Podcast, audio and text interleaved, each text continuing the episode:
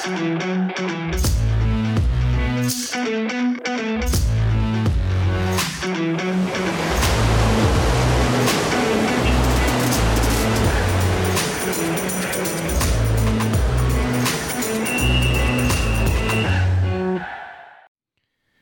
pozdrav svim uh, ljubiteljima Waterpola, pozdrav svima koji volite i gledate podcast pod kapicom i za današnju epizodu onako pripremio sam jednu temu koja je više nego aktualna. Tiče se svih nas, ne samo uh, Waterpolo kluba Partizan, već i svih oni koji su zaljubljenici ovaj sport, oni koji su rasli uz uh, najveće uspehe srpskog sporta i, i svega onoga što, što nas je činilo i ponosnim i srećnim i E, i negde usmerilo e, da, da, da taj sport, da vaterpolo konkretno i, i zavolimo, ajde da kažem, neko i dodatno.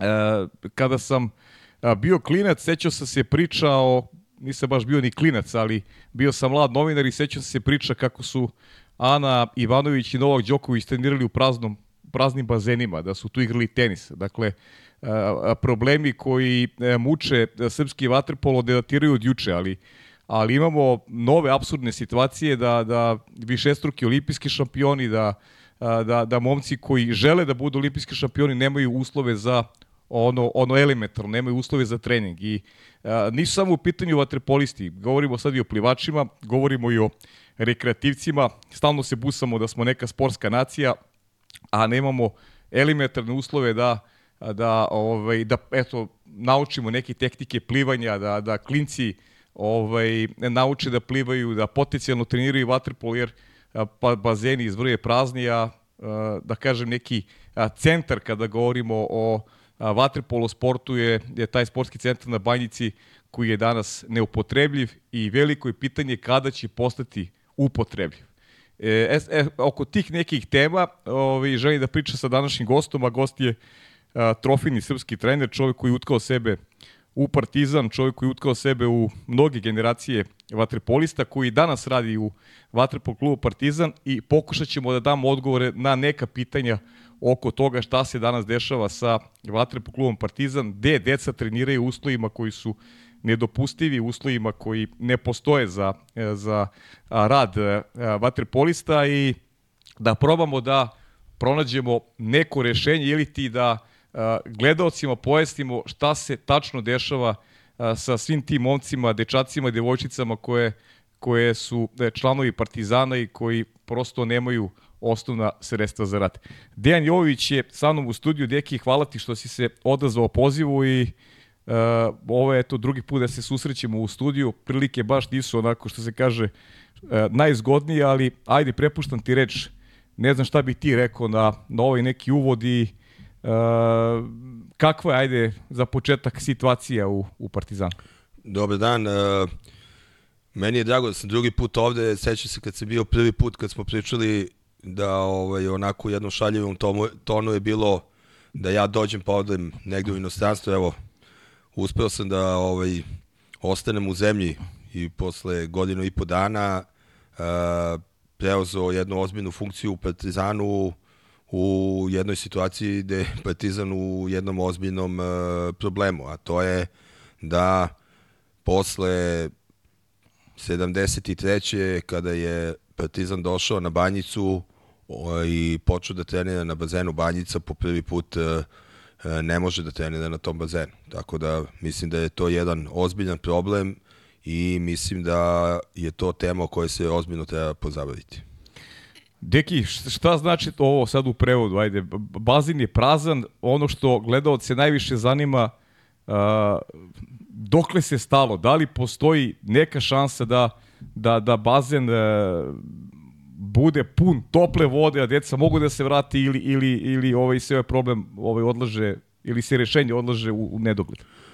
Pa, trenutna situacija je da bazen od, znači pričamo o olimpijskom zatvorenom bazenu na Banjici, od 28. jula je ispražnjen zbog kvara koji postoji u, u postrojenjima, konkretno u ovaj, filterima za, za prečišćavanje vode i e, do dana današnjeg taj kvar nije otklonjen ono što je mnogo bitnije je da je u početku bila priča da, da će kvar da se sanira Uh -huh. I to je praktično celo leto prošlo u toj priči negde do početka septembra, da bi praktično kada je počinjala nova sezona što se tiče i prvog tima i mnogo bitnije mlađe kategorija, da smo došli u situaciju da nam je saopšteno da bazen ovaj, se neće popravljati i da će čekati uh, početak rekonstrukcije koja je predviđena za 24. odnosno tamo negde septembar, oktober 24.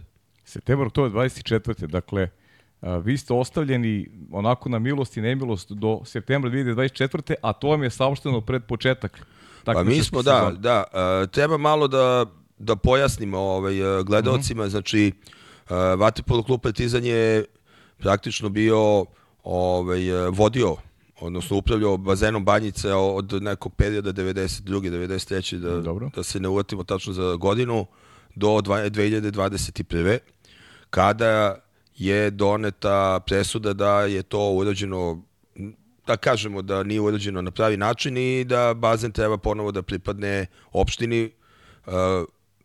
Bazen je, kad je izgrađen, pripada opštini Savski venac, onda je umeđu vremenu, pre jedno 4-5 godina, praktično Savski venac vratio bazen, odnosno zemljište na koje je bazen opštini Voždovac i opština Voždovac je ovaj, e, vlasnik bazena po, po toj presudi i 20, 2021. je uh, preuze, uh, bazen Banjica preuzet od strane opštine Voždovac, odnosno firm, opš, ove, opštinskog preduzeća Sportski centar Voždovac, da oni njime upravljaju sve. Tada je potpisan ugovor sa Vatapolom klubom Partizan, čiji su garant, znači između sportskog centra Voždovac i Vatapolog kluba, e, čiji su garant e, opština Voždovac i ovaj, gde je Vatapolog klub Partizan kao klub od posebnog značaja za srpski sport e, dobio određeni broj sati besplatno na korišćenje. Uh mhm. -huh. Samim tim kompletno održavanje bazena i upotrebljivost bazena je preuzela, e, preuzeo sportski centar Vožovac kao firma. U tom ugovoru, pored ostalog, je navedeno da u slučaju da e, sportski centar Vožovac ne može da obezbedi termine Vatapolo klubu Partizan na, na bazenu Banjica, da je sportski centar Vožovac i opština Vožovac kao garant ugovora dužna da obezbedi e, termine i da praktično pokrije troškove termina na drugim beogradskim bazenima. Uh mhm. -huh. I se to dešava? Ili, ili se pa, uh, ono što, što je trenutno situacija, pošto nije bilo, ovo, nažalost, nije bilo komunikacije, uh, što se kaže, dijaloga dvosmenog, ovaj, propušteno je mesec i po dana u toku letnjih meseci da se u krajnjem slučaju nađe jedno rešenje koje bi bilo dugotrajnije, uh -huh. u smislu da je to ovaj, neki period, ako pričamo da baza ne može da se popravi, i da, posle, da se čeka rekonstrukcija, koja opet traje sigurno jednu godinu dana, dve godine, ne znam tačno, da je to jedan period gde, gde bi trebalo da se nađe jedno trajnije rešenje za Vatapolo klub Partizan, da li to obezbeđenjem određenog potrebnog broja termina na drugom bazenu ili ne znam, stavljanjem balona na neki otvoreni bazen ili kako već. Međutim, ništa od toga nije urađeno i mi smo došli u situaciju da početkom septembra praktično nemamo gde da treniramo. I sada se šta? Des, se... Tada se uključio gradonačelnik Aleksandar Šapić, Dobro. znači se uključio u rešavanje celog problema. Uh, održan je jedan sastanak uh, gde, na kom su bili direktori ostalih beogradskih bazena i ovaj, naš direktor Nikola Kuljača i mi smo tu došli do nekih termina na drugim bazenima na 11. aprilu, na 25. maju, uh, nešto na Tašmajdanu u Obrenovcu čak, uh -huh. koji su termini da jednostavno jedini slobodni termini što se kaže, zato što u krajnjem slučaju već su svi ostali termini u septembru mesecu bili popunjeni sa korisnicima koji su potpisali ugovor. Da, ja sam čuo da čak neki drugi klubovi se sada žale da ti termini koji su oni regulisali i koji su koji su trebali da imaju, sada se njima koriguju zato što je sad tu uskočio i Partizan koji, koji treba da ima naravno svoje termine i da prosto nema dovoljno termina da se, da se realizuje kompletan program klubova koji, koji funkcionišu u Beogradu na koliko. Sad imamo praktično dva ili tri funkcionalna bazena. Koliko? Dva i po funkcionalna bazena? Pa imamo, da, što se tiče zatvorenih olimpijskih bazena, imamo praktično 25. maj Tašmajdan i 11. april. S tim što na tašu ne mogu se igrati utakmice. E, Natašu u zatvorenom u olimpijskom Može. može, da, u zatvorenom može. Ono što je isto imamo situaciju da praktično zbog rekonstrukcije otvorenog bazena Tašmajdan ove godine nije stavljen balon. E, imamo situaciju da balon e, na 25. maju koji koji je pre dve godine postojao se već dve godine ne stavlja. Pri tome je taj balon e, vlasništvo Vatapolo Saveza Srbije. Tako da ovaj mi u stvari nemamo ni prostora puno u Beogradu da to može da se organizuje i onda šta je urađeno jednostavno na neki način je u komunikaciji sa ostalim klubovima od strane gradskog sekretarijata za sport i ovaj, e, kabineta gradonačelnika jednostavno je pokušalo da se nađe kako takvo rešenje da se sve to nekako uklopi i da Vatapolo klub Partizan koliko toliko dođe do nekih termina da može da organizuje treninge e, svojih mlađih kategorija i prvog tima. Dobro, znači gradonačelnik se potrudio da obezbedi a, termine za Vatrpo klub Partizan, a na šta me zanima, ovaj, da li je taj kvar na banjici toliko, da kažem, težak kvar, pa nije mogo da se otkloni i, i, i da to zahteva priču o rekonstrukciji, ili ili ovo i se saznalo da je da je kvar toliko težak da da zahteva da zahteva, rekonstrukciju. Pa iskreno ovaj e, ja nisam stručno lice koje okay, može da. procenjuje ovaj da li kvar može da se sanira ili ne. Ono što ja mogu da ovaj samo naglasim da uh, je bazen Banjica uh, od uh, momenta od kad je dat na upravljanje vaterpolo klubu Partizan radio uh, 21 ili 22 godine u svim uslovima, da naravno bilo je kvarova kada bazen nije radio po par dana, mm -hmm. ali nikad nije bio period e, koji je duži od 7 do 10 dana i nije bio period da se kaže da jednostavno kvar ne može da se popravi. Ne treba da zaboravimo da su to, tu postoje periodi uh, gde je bazen radio pod sankcijama koje je sigurno najgore vreme koje mogo ovaj, jedan vaterpolo sport da ima, uh, da, da za vreme bombardovanja bazen radio, da je vaterpolo klub uh, sanirao sve kvadove koji su postojali uh, baš na način da, da jednostavno bazen bude stalno u funkciji. Tako da uh, ovo što je sada kao kvar, ono što ja imam informacije da jeste kvar koji koji ovaj postoji, ali da je i to moglo da se sanira, da mhm. postoji mm -hmm. dobra volja i da jednostavno se ovaj na neki način bazen osposobi i nekako pregora ova sezona, naravno moguće da bi bilo još kvarova u toku sezone, da se pregora ova sezona, pa u krajnjem slučaju ako počinje rekonstrukcija od sledećeg septembra da da ovaj onda se krene u rekonstrukciju, a dotle da se nađe jedno trajnije rešenje za Vatrpolu klubu u tom periodu dok traje rekonstrukcija Banjice. Ono što stalno negde čitam i, kro, i kroz neke medije i ovaj priče vezano za Vatrpol klub Partizan, često se govori Partizan ima više milionske dugove, da a, nije bio, ajde da kažemo, nije se domaćinski ophodio prema onome što su uslovi, uslovi na Banjici. Kako komentarišeš te tvrdnje?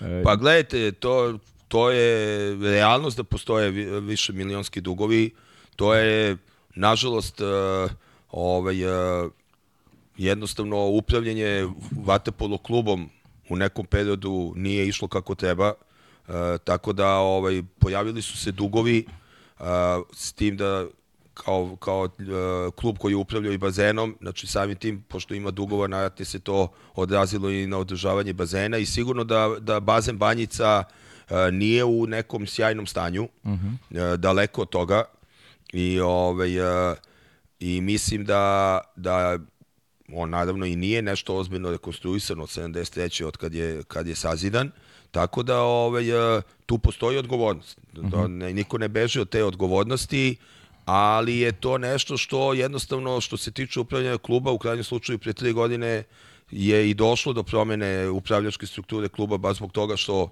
što su se uh, jednostavno prethodna struktura nije dobro vodila klub, da kažemo, mm -hmm.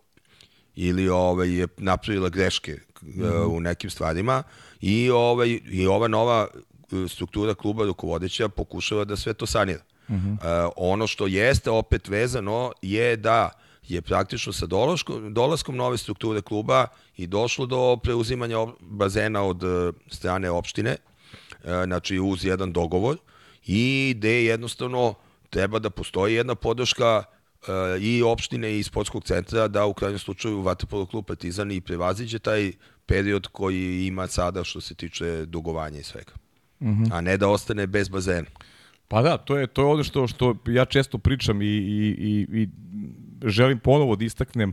Neko ima utisak da da Waterpolo klub Partizan i, i ta istorija, tradicija koja ima da a, nema adekvatnu podršku shodno onome a, e, koji sve generacije ovaj ponikle na banjici i šta je sve Partizan kao klub doneo i srpskom vaterpolu, pa i svetskom vaterpolu u krajnjem slučaju, jer imamo primjer iz nekih e, drugih sportova i neka druga i sportska društva u krajnjem slučaju da imaju jedno pet puta veće dugovanje u odnosu na vaterpol klub Partizan, pa nisam primetio da na nekim stadionima nema struje i da, da nema uslova za, za treniranje ili mlađe kategorije ili odigravanje utakmica, da ima uslova da se troši transferi da se troše pare od 5, 6, 7 miliona evra, ali e, nekako kad je Vatrpo klub Partizan u pitanju, stalno se to spočitava, par, e, Partizan je dužan, zašto se napravi kao košakaškom klubu Partizan, kao košakaškom klubu Zvezda, kao u, ne znam, futbolskim klubima Partizan i Crvene Zvezda, neki reprogram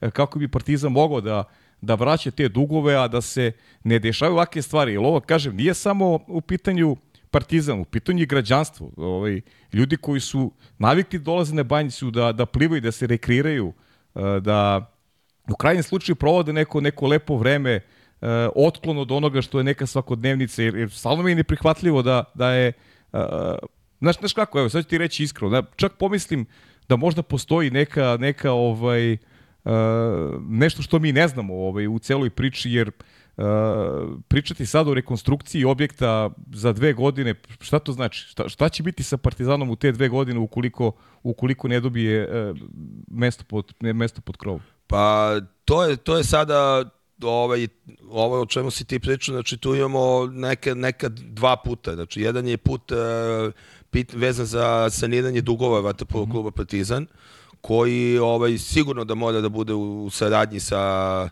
što se kaže, sa državom. Ove, I tu, da kažemo, naš upravni odbor e, na čelu sa Jovanom Lazarevićem, oni pokušavaju da nađu način kako to da se sanira e, i ne odustaju od toga da e, se to sanira na način da se klub e, ne ugasi. To je ovaj, nešto što je veoma bitno da, da istaknemo, zato što imamo primere uh, u, u našem sportu, u vatapolo sportu, da je rešenje o e, pitanju dugovanja e, rešavano tako što se jednostavno e, jednostavno Vatapol klub prestane da postoji. Uh mhm. -huh. I pojavi se pod istim imenom sa nazna, dodatkom ovaj, u svom prefiksu osim Vatapolo kluba i ovaj, praktično svi ti dugovi koji su postojali odjednom se ne izbrišu, ali jednostavno to pravno lice koje je prethodni klub ono i dalje postoji, nema odgovornog lica, nemate kome da se obratite, a, novi klub počne da živi od nule bez ikakvih dugovanja. Mm -hmm. To Partizan a, nije do sada uradio, a nije ovo prvi put da se nalazi u nekoj finansijskoj krizi i jednostavno a, smatramo da tradicija koju ima Vatapolo klub i težina koju ima Vatapolo klub Partizan kako u srpskom sportu, tako i unutar sportskog društva Partizan nam je nešto što nas obavezuje da jednostavno ne možemo da dođemo i da kažemo je sad ćemo da ugasimo klub, pa ćemo od sutra malo drugačije se zovemo i da počnemo od nule i baš nas briga šta je bilo ranije. Pa da, ali onda se postavljam pitanje ovaj, ko je pametan onda u cijeloj priči? Pa ja mislim da je ovo jedini ispravan uh, put. Pa ja mislim, ja, baš ja, ja, naše... Se, ja se slažem, ali da. to je kao ja sad napravim, ne plaćam račune za struju i promenim ime i prezime i, i pa mogu, jeste, mogu kao ali, pojedinac da uradim nešto da, da prevarim sistem, ili tako? Jeste, ali uh, mi, mi, ja lično mislim da, da svi ljudi koji su partizani imaju odgovornost prema tradiciji rezultatima i kompletno, da kažemo, kadru igračkom i trenerskom koji je izašao iz Partizana, imaju obavezu i odgovornost da jednostavno to ne dozvole, a to je da, da Partizan mora da se ugasi. Uh mhm. -huh. I, jel, iskreno, ovaj, sigurno da, da bi se i u budućnosti taj klub zvao Partizan, ali ipak svi ti trofeji i sve to ipak bi bila jedna velika melja na to. Mm -hmm, da. Možda nekom baš smetaju svi ti, svi ti trofeji. Pa ne, ne mogu da, da budem ovaj, da kažem negativan po tom pitanju. Ja mislim da uh, ipak uh, ljudi imaju respekt prema svim tim trofejima. Uh, možda postoji ona jedna sportska uh, zavist što neko nije više trofeja uzeo nego što smo mi uzeli, ali jednostavno to je ovaj uh, nešto što imaju u krajnjem slučaju sportovci i bodite time što radite bolje od ostalih pa pokažete da, da više vredite. Mislim, nema to. Spočitavam se upravo taj bazen i ta 92. godina što ste dobili objekat na, na korišćenje, a neki drugi nisu dobili objekat i to je nešto što opet često provejava, vidim i kroz, i kroz poruke, one koje su onako negativno, negativno naglašene. Kako komentarišeš ovaj tu priču? Pa ja, ja sam bio deo Partizana tih 90. godina mm. uh, i moram da vam kažem da uh, tada kada, kada je ovaj, Partizan dobio banjicu na upravljanje, da je to bio jedan težak period za klub pre toga, zato što smo mi kao klub bili blizu toga da budemo sa prostorijama izmešteni sa bazena Banjice. Znači, jednostavno u tom momentu je postala jedna klima da Vatapolo klub Partizan e, treba da bude sklonjen sa Banjice, ne sa bazena kompletno, ali da se limitira korišćenje bazena. Do toga je išlo da čak kancelarije ne mogu da budu na banjici i seća se u to vreme da je čak nađena kancelarija koja bi bila na, na stadionu, kao što su u krajnjem slučaju i neki mm -hmm. drugi klubovi u okviru sportskog društva imaju svoje kancelarije na stadionu. Uh, zahvaljujući prvenstveno jednom ozbiljnom uh, sportskom kadru rukovodilaca koja je Partizan Vatapolo klub uh, da kažemo formirao u svom životu tu je i Đorđe Perišić koji u to vreme bio i ministar sporta i generalni sekretar olimpijskog komiteta, uh, Predrag Manorović, uh, da ne nabrajem Jovica Mišković koji je bio u to vreme počasni predsednik Vatopovog kluba Partizana, a inače je najuspešniji predsednik Vatopovog kluba kad se gleda kroz istoriju po broju osvojenih titula šampiona dok je on bio predsednik, koji u nekom periodu bio predsednik opštine Savski Venac. Oni su uspeli uh, da jednostavno iskoriste taj neki istorijski moment e, previranja, ocepljenja drugih republika i iskoristili su da jednostavno se u tom momentu napravi najbolje, nađe najbolje rešenje za Vatepo klub Partizan, a to je da se dobio na upravljanje bazen Banjice. Uh mhm. -huh. I to je nešto što je isključivo, zahvaljujući radu operativnom, što se kaže, radu tih naših rukovodica ostvareno. E, da li su to mogli drugi klubovi u tom momentu da urade? Sigurno da jesu, jer je to bio period kad je to bilo omogućeno na državnom nivou. Zašto nisu, to je sad pitanje za ostale klube. Uh mhm. -huh. Pa i, i šteta što nisu. Šteta, jer bi, šteta. Jer bi od toga benefit imao srpski vaterpol. Imala sigurno, bi deca koja bi imala sigurno, više uslova sigurno, za rad. Znači, mi da. pričamo sad o, nije samo priča o Partizanu, ovo je priča o svim klubovima. Jer ljudi, uh, nikad nemojte da se naslađujete tuđe muci. Zato što ne znate da li ćete se sutra naći u istoj prilici. Ajmo da, ajmo da saniramo, da saniramo probleme i da budemo brižni jedni prema drugima. Prvo, ni nema nas, nema nas mnogo, generalno, a pričamo o sportu koji nam je najviše dao. Mi pričamo o sportu koji od 2000. godine redovno osaje medalje na olimpijskim igrama. I mi prema tom sportu imamo maćekinski uh, odnos, prema, prema klubu koji je lokomotiva tog sporta, pa kako ćemo da se ponašamo prema prema, ne, prema nekim drugim oblastima gde smo, gde smo a, slabiji, gde, gde, gde, gde nismo toliko uspešni, jer ovo je stvarno absurd da, da, da, da, je, da je srpski vaterpolo, da je, da je partizan u jednoj ovakvoj situaciji.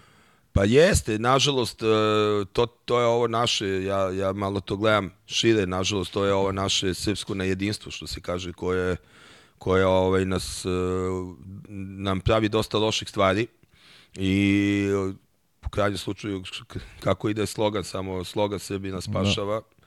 Nije to bez veze ovaj, tako rečeno, jer je evidentno i kroz našu istoriju da imamo dosta primjera da je, pa zbog te naše nesloge su nam se dešavale mnogo teže stvari od uh, jednog uh, sportskog uh, dela, ali ovaj, uh, ono što je veoma bitno, uh, treba da naglasim da Vatapolo klub Partizan u svim ovim godinama svog postojanja, od uh, 80. godina i od kažemo, razvoja te neke ozbiljne vatepolo škole partizanove, je veliki broj igrača Partizana uh, igrao za druge klubove, uh, da ne pričam da su naši igrači koji su bili na zalasima karijere, odlazili, igrali u manjim klubovima po Srbiji, u onoj obezbeđivali tim klubovima uh, plasmane u prvu ligu, da jednostavno im se pomogne, da neki, evo, otvoreno kažem, neki uh, period 80. godina dok Bečej 92. treće mm -hmm. nije krenuo u svoj jedan projekat uh,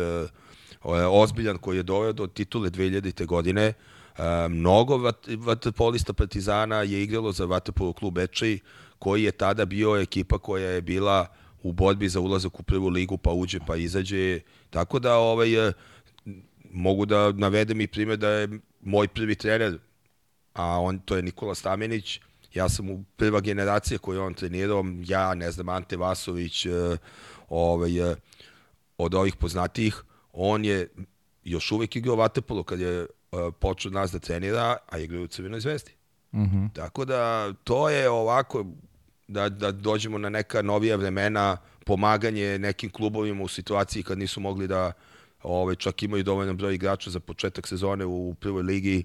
Znači, Vatepolo klub Partizan je svestan da, zahvaljujući nekim uslovima koje je imao, i naravno svom sistemu rada koji je proizvodio veliki broj kvalitetnih igrača, je motor i da je dužan da pomogne svima. I, i mhm. Partizan je kao klub to uvek radio.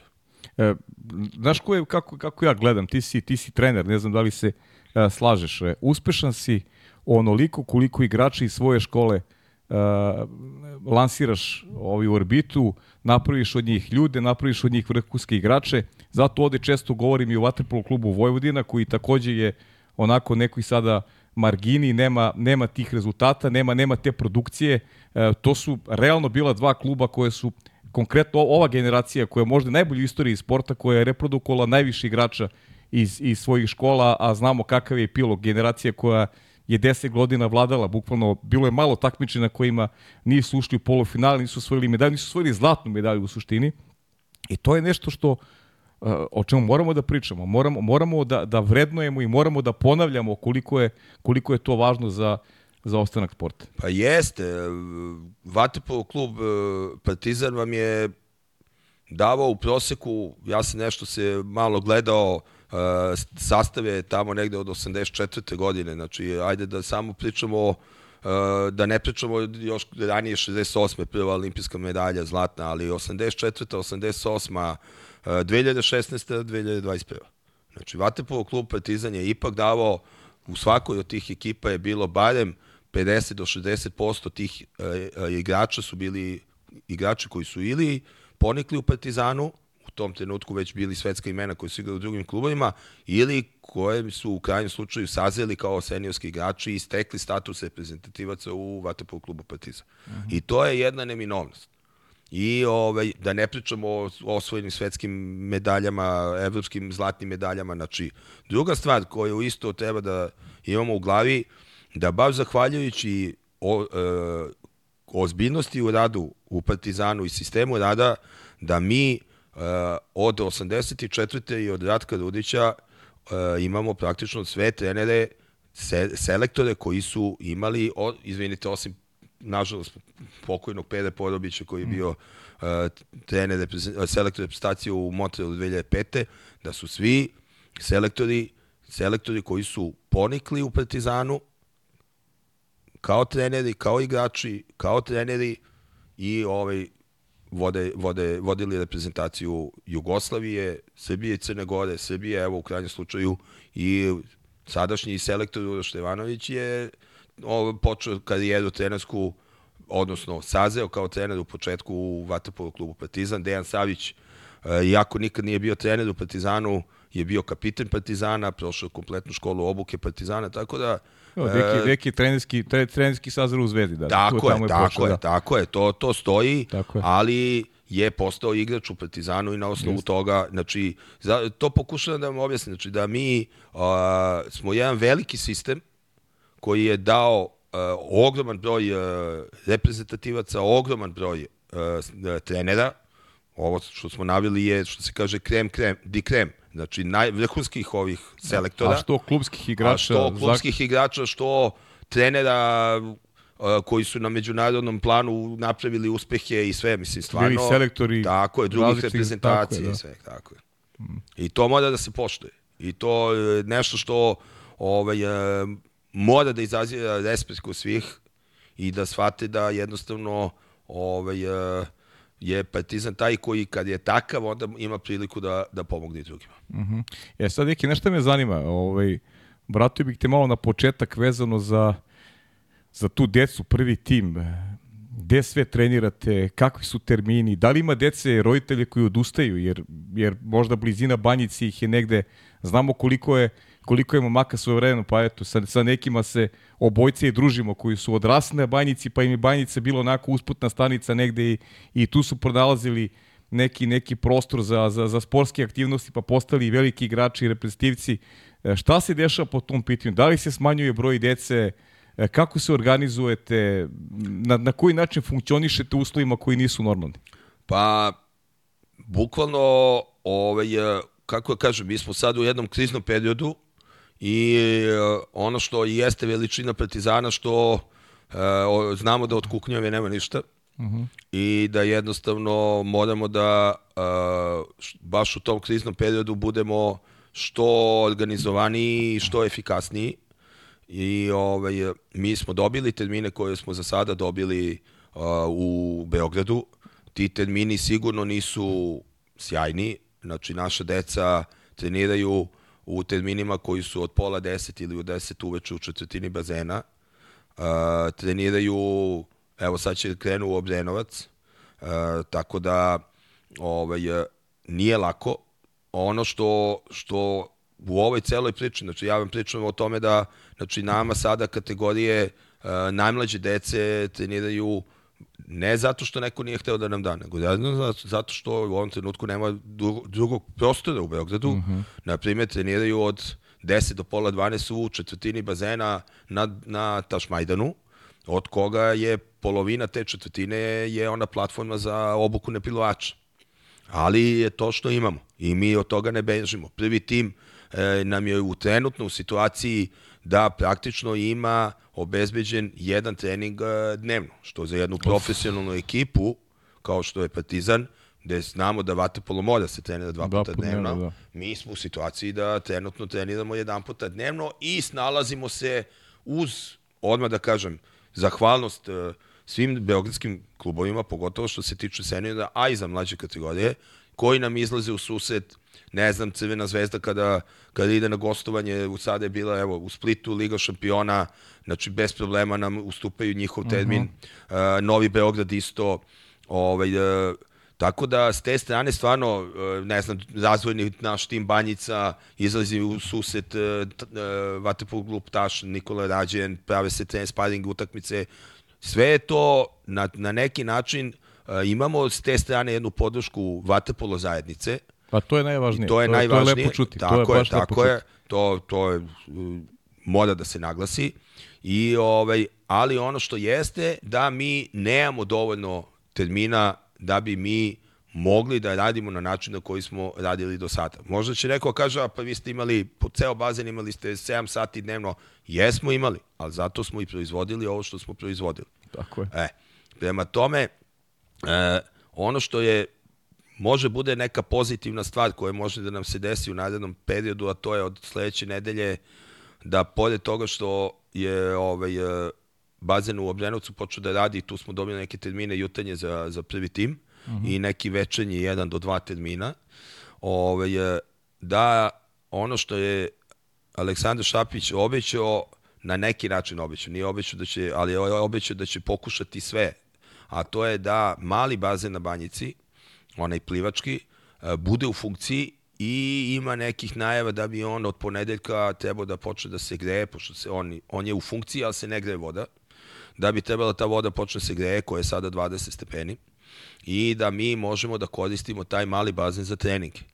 To nama opet mnogo znači, jer svi koji su trenirali na banjici, kad ih pitate gde si postao vaterpolista, oni će da vam kažu postao sam u malom bazenu na banjici. Uh mhm. -huh. Sa svim tim preplivanim kilometrima e, po dužini i sve. Tako da, ako se to desi od ponedeljka, a imamo neke informacije da je ovaj sportski centar Voždovac praktično dovodi u namenu taj bazen. Ako se to desi, onda će ipak na neki način, ako pričamo onako kako smo u situaciji sada, da imamo malo bolju situaciju. Da. Da. Ali daleko od toga da je.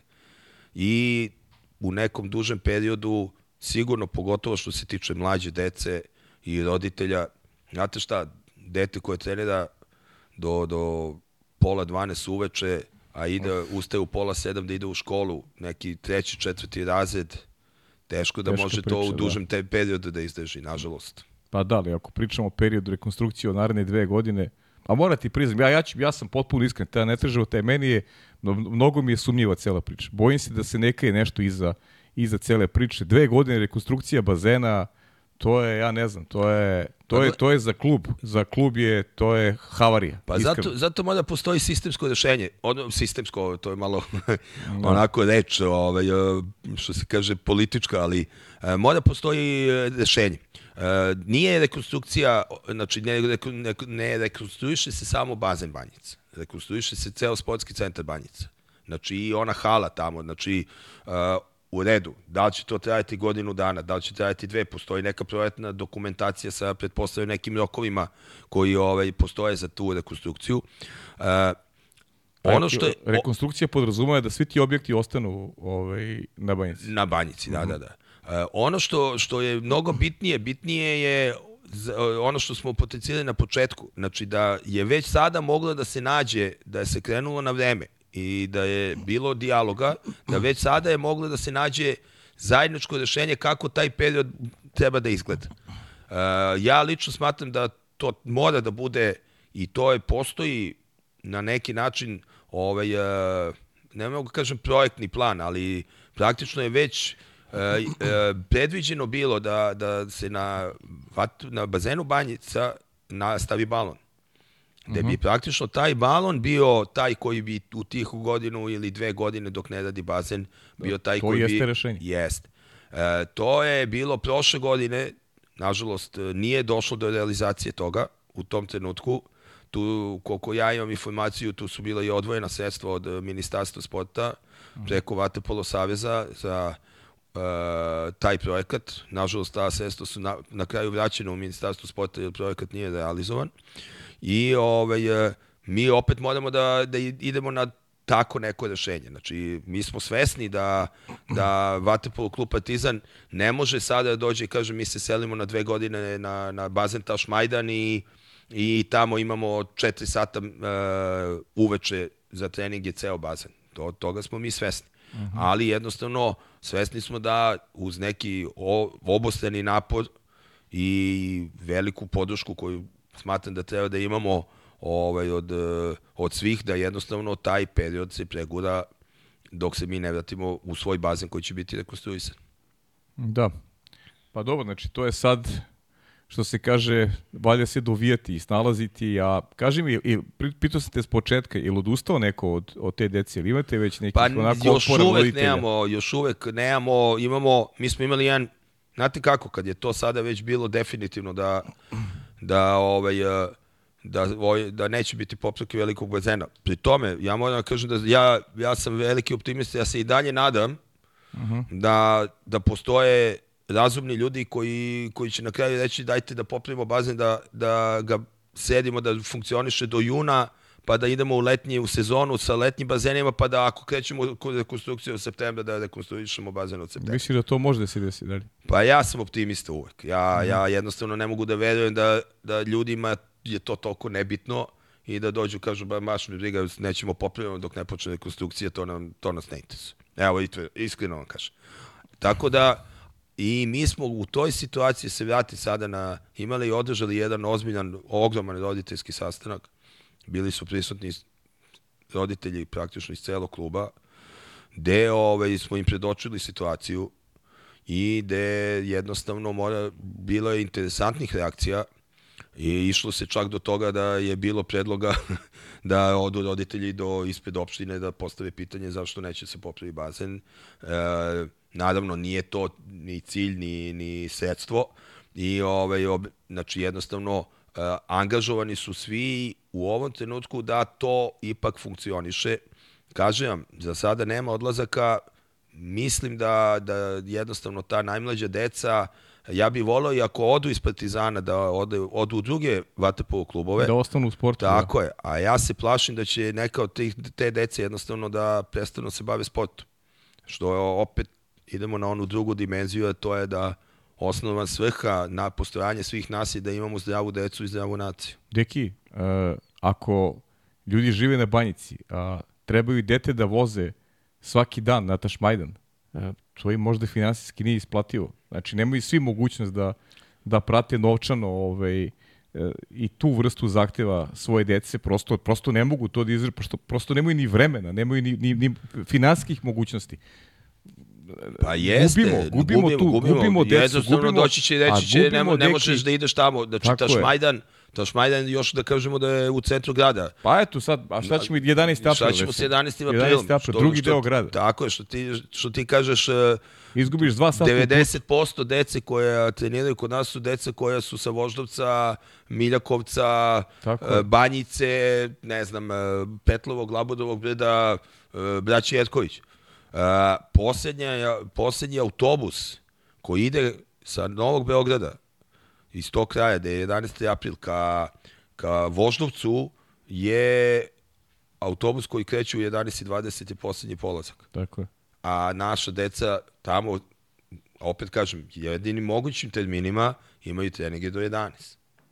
Prema tome, znači stvarno je stvarno je teška situacija. Pričamo, deki, pričamo o nekim stvarima o kojima ne bismo trebali da pričamo zato što smo nemarni, zato što ovaj, ne vodimo računa jedni o drugima, ne vodimo računa o prioritetima i, i to je nešto što mene strašno iritira. E, e, došli smo eto u poziciju, govorimo o bazenima i nisu samo bazeni, upisi, rekao si mi na početku, Banjica, objekat koji nije rekonstruisan u vreme kada je Partizan. Kaži mi koji objekat sportski u, u Beogradu rekonstruisan u posljednjih 30 godina? Ja, se, ja, ja ne znam stvarno koji objekat. Ja znam da jedno vreme šumice su nešto bile onako, ajde da kažemo, polu rekonstruisane, E, dobili su i velike takmičenja u koje kakvim sportovima, nikad nismo polazili od baze, od onoga da se sredstva ulože u objekte, nego je tu uvek bilo ovaj, da budu zadovoljni ovaj, ti koji organizuju i to je nešto što, što strašno iritira jer imam dosta godina, a jedino arena neki, ajde da kažemo neki novi objekat sportski koji je sagred, sad više nije arena, nije novi objekat, ali, ali je funkcionalan objekat koji možda se koristi u sportske svrhe. Eto, čak i. Evropsko prvenstvo Vaterpol održano, održano u Reni, ali prosto nemamo objekte, e, bazeni, bazeni, ne, ne da fale bazeni, nego je ne postoje termini za sve klubove koji, koji, koji pa, funkcionišu pa, u ovom pa, gradu. Pa poslednji bazen u Beogradu je sazidan, znači 11. april. To je poslednji bazen koji je sazidan u Beogradu Uh, godina je 81. Da. druga. Ja I mislim. dugo bio prazan igrao se tenis, ono što se priča od početka. Jeste, i ovaj, uh, mi ne treba da zaboravimo da on je dugo bio prazan. Ne treba da zaboravimo da je rekonstrukcija bazena 25. maja trajala isto, ja mislim, 4 ili 5 godina. Da je isto stajao, stajao prazan, isto je bilo da treba se rekonstruiše, pa, pa je to dugo trajalo. Uh, ono što jeste pozitivno, da uh, od kako je, na primjer, rekonstruisan 11. april, da je to sada stvarno bazen koji funkcioniše uh, fenomenalno. Znači, vi kad dođete tamo, stvarno je lepo. Uh, imate ovaj, s druge strane Tašmajdan koji, koji je zahvaljujući tome što je bio ovaj domaćin Svetskog kupa 2002. Evropskog prvenstva 2006. i imao neke rekonstrukcije. Tako da Ali otvore baze sad nije funkcionalan. A otvore nije funkcionalan iz razloga što jednostavno je neko zaključio da bavljenje sportom na tom bazenu nije toliko bitno, pa možemo da napravimo plići bazen. Mm. Mislim što je prosto stvarno neverovatno. Yes. Ovaj, tako da e, sve te stvari e, oko toga svega ja, ja se slažem, ali mislim da, da generalno e, ako već pričamo, jesmo mi stvarno kao država prošli jedan izuzetan težak period, ako vratimo ovaj, gde smo sve bili i šta nam se sve dešavalo. I mislim da je stvarno vreme ne da se rekonstruišu samo ovaj, e, no, bazeni koje imamo, ali stvarno da nam je vreme da, jer Beograd... Pa za novi objekte je vreme. Tako je, Beograd 81. možda ima 800.000 ljudi, Beograd 2023. ima 2 miliona, imamo isti broj bazena, mislim, tako, tako da to se ne postavlja pitanje. Kažu da je neki standard, uh, ajde da kažemo na zapadu, kome mi stremimo da živimo na, kao oni, da je na 100.000 ljudi da je potreban da ide jedan bazen za građanstvo. Da. A mi imamo na 2 miliona, imamo E, tri olimpijska bazena. Ja, nisi ti ovaj, pravi, četiri, pravi četiri, sagovornik za to, ali pričali smo ovde i o, ima neka ideja o tom nekom nacionalnom ovaj, projektu nacionalnog e, nekog stadiona nazovi ili tamo gde bi se pripremile prestacije, znači neki kompleks bazena koji bi omogućio i olakšicu klubu, ne znam dok li se stalo, znam da je bila neka lokacija Novi Beograd, da li to i dalje postoji kao tema ili je, ili je ovaj, uh,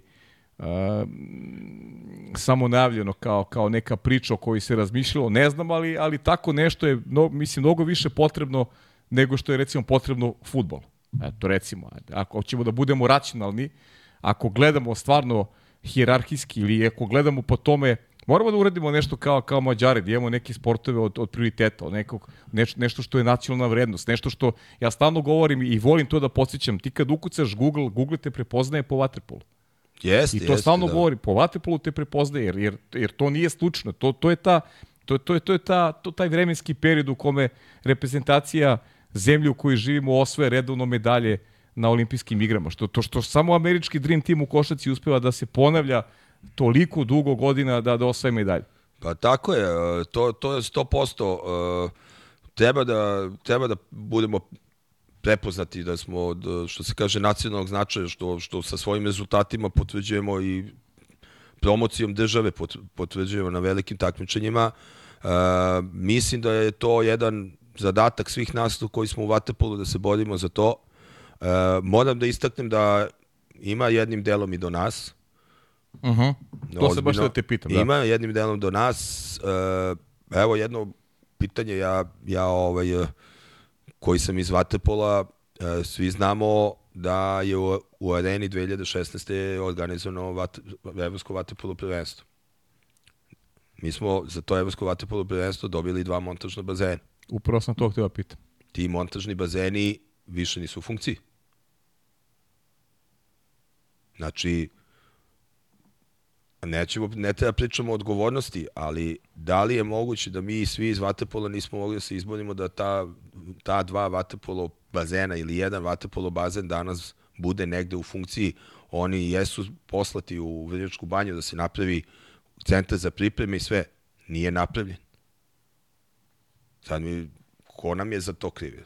Pa jedno no. mi iz Vatepola, ko može drugi bude kriv? Ne, pazi, o odgovornosti mora se priča, ali ne ti ja. Pa zato, Mislim, zato kažem, zna se, zna ali, se kod... ali s druge strane, mi, ja lično sam deo te, tog sporta, prema tome automatski smatram da svi mi koji smo u, u, iz Vatepola moramo da budemo da nosimo deo odgovornosti za to.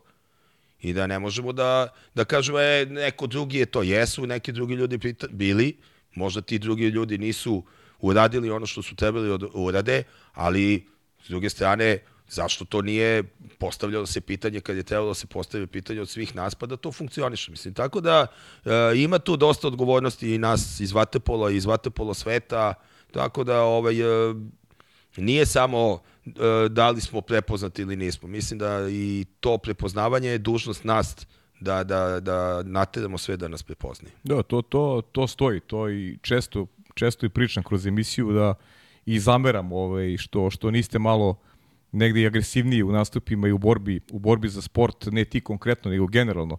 Vi koji ste u Waterpolu, a, a ja i ne znam da li ikada korišćen, da li su ikada korišćeni ti montažni bazeni ili su ostali negde? Ne, nisu, oni su prebačeni sa ciljem da se, na, da se osposobe za upotrebu sa konstrukcijom, nikad, znači nikad nisu korišćeni.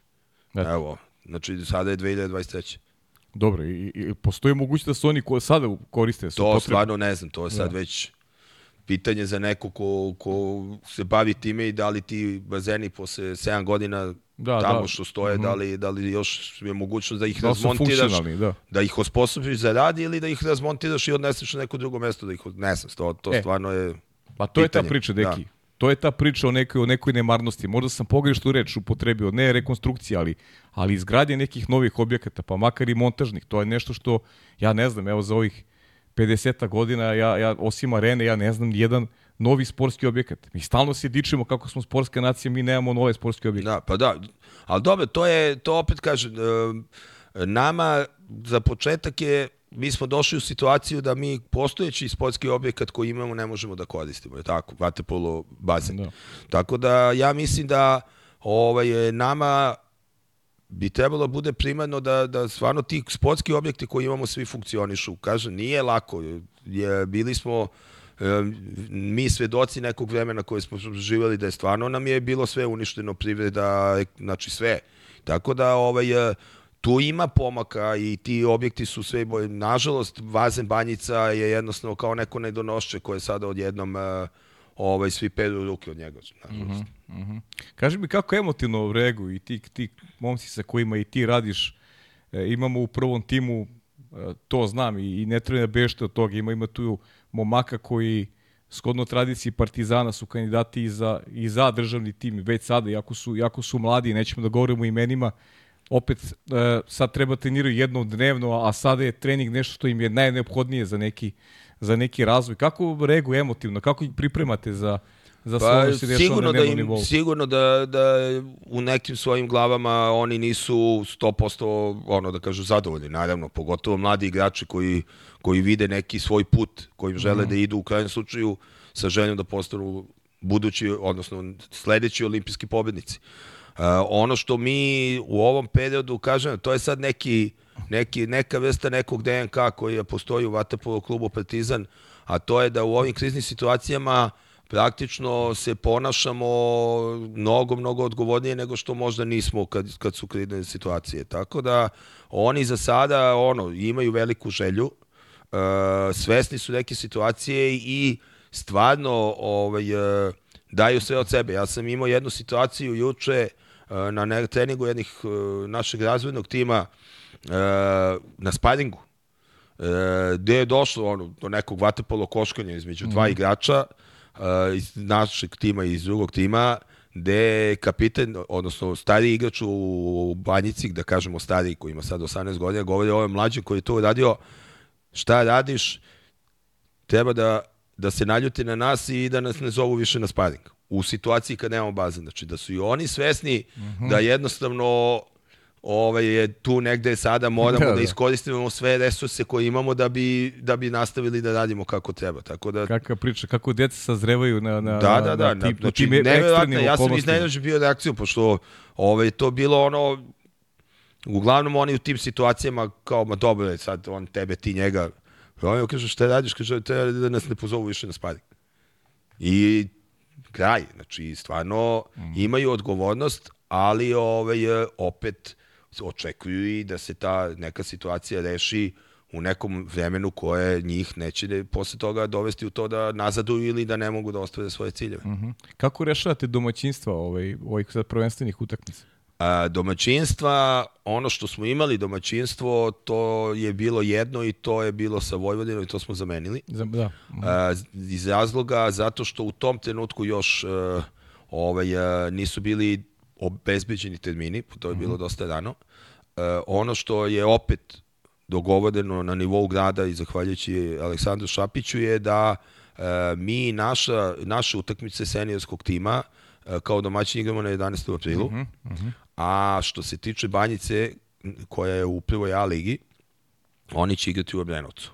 Uh mhm. -huh. Tako da ovaj, taj problem, da kažeš, e, smo rešili. To je rešeno. Da. da. Znači sad ono što treba se rešiti za prvi tim, to je obezbediti taj, taj drugi trening. Znači, tako je, tako to, je. To je, to je sad nešto što, evo, ove nedelje bi odnosno od ponedeljka bi Obrenovac trebao počne funk, da bude funkcionalan. Uh -huh. uh, tako da mi tu dobijamo termine svako prepodne. Moram da vam kažem, ja sam bio, ja sam bio, možda je ovo meni malo i poznata situacija, jer ja kad sam bio trener Crvene zvezde 2007. 2008. To je u vreme kada nije radio 25. maj. I Crvena zvezda je tada imala večernje termine u Obrenovcu, pričamo o prvom timu, uh -huh. i imala je jutarnje termine na Banjici. Tako da je Crvena zvezda pre podne sa prvim timom trenirala na Banjici, a uveče smo svaki, svako veče išli ovaj, uh, u Obrenovac. Uh, tu se postavlja pitanje uh, logistike organizovanja treninga, zato što Obrenovac ipak nije na, na 10 km od Beograda.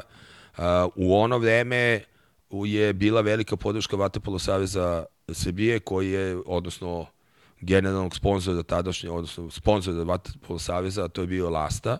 To je bila Lasta. I Lasta je bila i uh, sponsor Vatapolo kluba Crvena zvezda u to vreme i postoje autobus koji su oni dali na korišćenje koji je vozio igrače na treninge. Uh -huh. uh, ono što se ja još uvek sećam, to je da su čak i mlađe kategorije zvezde, na primjer, jedan puta nedeljno svaka kategorija po jedan trening, isto dolazila u Obrenovac i što autobusom, što su roditelji dolazili. To je tako neki period se ovaj, pregurao ti godinu dana. Nažalost, posle toga se zvezda ugasila. Ovaj, o, tako da mi evo, ako nam krene prvi tim od ponedeljka na, na treninge, mi opet imamo pitanje te logistike, jer u sadašnje vreme takvih sponzora nema više, koji će vam obezbediti i dati besplatno neki autobus da koristite da vozi ekipu jedan puta dnevno do Obrenovca i nazad. Znači, to je opet neki dodatni trošak uh, u klubu koji treba da obezbedi sada autobus i da plati na dnevnoj dnevnom nivou da vozi ekipu do, do Obrenovca. Kako deki vaterpolo koji, koji definitivno nije komercijalni sport i znamo da imamo dosta problema ovde u godinama nazad sa, sa finansiranjem uh, ova pojava Novog Beograda i uh, je svakako dobra za, za, za srpski vaterpolo, dobro u smislu da imamo priliku da gledamo ove najbolji igrače, imaju oni priliku da žive u svojoj zemlji, da, da, da tu funkcionišu, da, da i zarade i da, i da ovaj, uh, igraju ovde vaterpolo, što nije bio slučaj nekih ranijih generacija, uh, i napraviti neki reprogram kako Partizan može da, da, da, da vraća uopšte dugove u, u, u nekom okruženju u kome, u kome bitiše sada i bez bazena, bez, bez nekog uh, sponzora, bez učestvovanja u evrokupovima, uh, razmišljate li u tom pravcu? Znam da razmišljate. Pa ja bih prvo ovo, pošto si se na početku dotaku Novog Beograda, ja, ja mhm sam znaš da sam proveo godinu dana Tako u Novom je. Beogradu i ja iskreno bi voleo da, da način kako funkcioniše Novi Beograd, pričamo o, o, o klubu kao da, sportskom klubu, bio, sistema, bio sam u sistemu.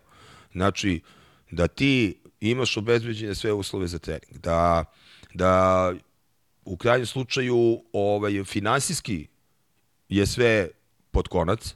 Uh, mislim da prvo to nije to je jedan, jedna mnogo dobra stvar, ali je to stvar koja treba bude normalna. Mhm. -huh. Mislim, ako, se, ako pričamo o bavljenju sportu. I ja, ja e, ne smatram da je to neki ekstrem koji radi Novi Beograd, pošto tu ima i dosta opet zlonamenih ko komentara oko toga Just. Novi Beograd, kako Novi Beograd, gde, gde se šta. Ne, Novi Beograd funkcioniš. I oni funkcionišu na način na koji bi trebali u stvari da funkcionišu svi vatepolo kluba. Ja se vratim, samo držimo vatepola. Uh mhm. -huh. Prema tome, imaju obezbeđene sponzore, imaju obezbeđene uslove na bazenu za adekvatan rad, da ne pričam da su suplementi za, za igrače, da imaju e, profesionalnog fizioterapeuta, znači neke stvari koje drugi klubovi nemaju. Da je to sve stvarno postavljeno na jednom vrhunskom nivou. Prema tome, tome treba da teži svaki vaterpolo klub u zemlji. Na koji način doći do toga, e, to je sada pitanje koje ipak nije za ovaj moj, da kažemo, neki ne, sportski, naravno, naravno. sportski sektor, uh mhm. -huh. ali da nije lako, nije lako. Daleko od toga i to zahteva jedno veliko angažovanje uh, i uh, upravljačke strukture kluba, znači upravnog odbora, u krajnjem slučaju i ovog dela uh, sportskog menadžmenta, sportskog menadžmenta u klubu, kako da se dođe do toga da to sve ipak ovo što kažemo funkcioniše na jedan sasvim, u stvari normalan način, ne nenormalan, to je normalan način kako treba da se funkcioniše. Ba da, nema, nema, ništa, nema ništa sporno oko, oko Nove Beograda, nego prosto, prosto sam ovaj uzeo kao, kao primer onoga što se što se dešava generalno u, u srpskom vaterpolu i onoga što, što treba Partizan, eto, ukoliko, ukoliko se desi eto, da, da dobijete taj neki reprogram pa, pa da treba da, da, da vraćate taj novac koji ste dužni, ovaj, kako, kako naći način da se, da se tako nešto uradi, pogotovo sada u uslovima kada, kada nemate, nemate ni bazen i kada je onako pod velikim znakom pitanja da li će se neka nova deca upisivati. A znamo na čemu je Partizan temeljio svoju, svoju istoriju. To, su, to, su, to je stvaranje velikih igrača, stvaranje reprezentativaca, iz jedne, da kažem, iz jedne masovnosti, iz jedne, iz jedne ovaj, potrebe e, prosto i roditelji i dece da budu deo nečega što je najveći sportski projekat novim prostorima. Kad pogledamo broj titula, broj igrača koji stasao klub, pa dovoljno ući u onu, u onu trofejnu salu na banjici, ne, nema čovjek koji, koji se ne naježi kada pogleda one slike e, koje je sve prošao kroz, kroz, kroz taj klub. Pa, treba da nam se obezbede uslovi da stvaramo igrača. To, to, no. ovaj, to je prvo i osnovno. Uh, bilo koji, znate kako, ima, ima tu primjera, mislim, po, nis, nismo mi ni prvi ni poslednji sportski klub koji ima finansijske probleme i koji koji je neko kad je rešio da kad je ušao to da rešava našao model kako bi to moglo mm -hmm. da se reši. Ono što je nama olakšavajuća okolnost u celoj priči je upravo ta da mi, zahvaljujući radu sa našim mlađim selekcijama i brojem igrača kvalitetnih koji imamo, da, ćemo, da smo mi u stanju da kroz svoj igrački kadar poteko iz naše vatepolo škole preguramo period koji je možda pred nama što se tiče financija. Mm -hmm. Ono što je problem je da smo mi sada došli u situaciju da je umesto da nam se u uprava ili upravni upravljački deo kluba bavi e, tim poslom, mi sada trošimo energiju zadnjih meseci i po dana da vidimo ovaj kako ćemo bez bazena da preživimo. Znači to je to je ono što je sada nažalost ovaj e, duplo teži posao jer sada uh, ovo što vi kažete, ako je to traje neko duže vreme, od kojih ćemo mi to igrače, koji ćemo mi to igrače napraviti, da li ti igrači će moći da zaigraju za prvi tim. Znači, mi to možemo da iznesemo, ali ako imamo svoj bazen i da uzmemo da, da radimo, a mi znamo da napravimo igrače. Znači, to je Partizan potvrdio hiljade i hiljade puta i ovo što ti kažeš, i ta trofina sala i te slike igrača to potvrđuju. Prema tome, nama samo trebaju uslovi. Koliko je teško, Deki, uh, kreirati neke sportske ambicije ove godine? Uh, onako na papiru, kad se pogleda, Partizan je uradio makar iz mog ugla ispravime ako, ako ovaj, grešim, sasvim dobar posao u tom nekom prelaznom periodu. To neko jezgru igrača je manje više ostalo. Uh, doveden je Joao na, na, na poziciji glomana iz Novog Beograda. Uh, neke onako, da kažem, pozitivne naznake u odnosu na tu prošlu godinu. Dobro, Miloš je prestao da igra, ali u, u, u generalno u globalu sasvim, sasvim dobar prvi tim ima Partizan, ali koliko je, koliko je sad, ajde, realno u ovim novim okolnostima kreirati neke, nešto se zove sportska ambicija? Pa, u ovim okolnostima veoma teško. Uh, pre dva meseca, tri meseca, tu je i kreirana neka, da kažemo, neku strategiju u smislu ovaj, da mi imamo i dalje strategiju, znači da se oslanjamo na igrače iz svoje vatepolo škole, da to što dovodimo u prvi tim je nešto što u tom trenutku nije projektovano da izađe iz naše škole, a da bude kvalitetnije od toga što dovedemo. I, ovaj, i to je neki, neki period koji, znate kako, Partizan to stalno ima te cikluse, mislim, uh, mi da. imamo jednu malo... Ali nikad ovako nije ovako bilo. Ovako nije bilo, ali nije ovo ni prvi ni poslednji put da mi krećemo u kreiranje uh mhm. -huh. ekipe sa mladim igračima i sve u krajnjem slučaju 2002. godine, ja mislim, je baš zbog finansijske situacije kad su otišli Vanja, Udović, Živko Gocić, Boba Nikić, e, ne znam, da ne napravim sada koliko je deset igrača je tada otišlo, baš zbog toga što je zaključeno da ne mogu finansijski da se iznesu njihovi ugovori i sve. I tad je, tad je Partizan i svoje vatepolo škole napravio na neki način uz dovođenje igrača koji su imali potencijal Duško Pjetlović, Gojko Pjetlović, mm -hmm. ne znam, e, Čuk, Čuk. O, napravio ovaj, ekipu koja je 2000 rađen. Da, rađen, da, da, vozimo Nikolu. Da zaboravim kolegu. Nije tako je. Napravio, osvojio kup šampiona.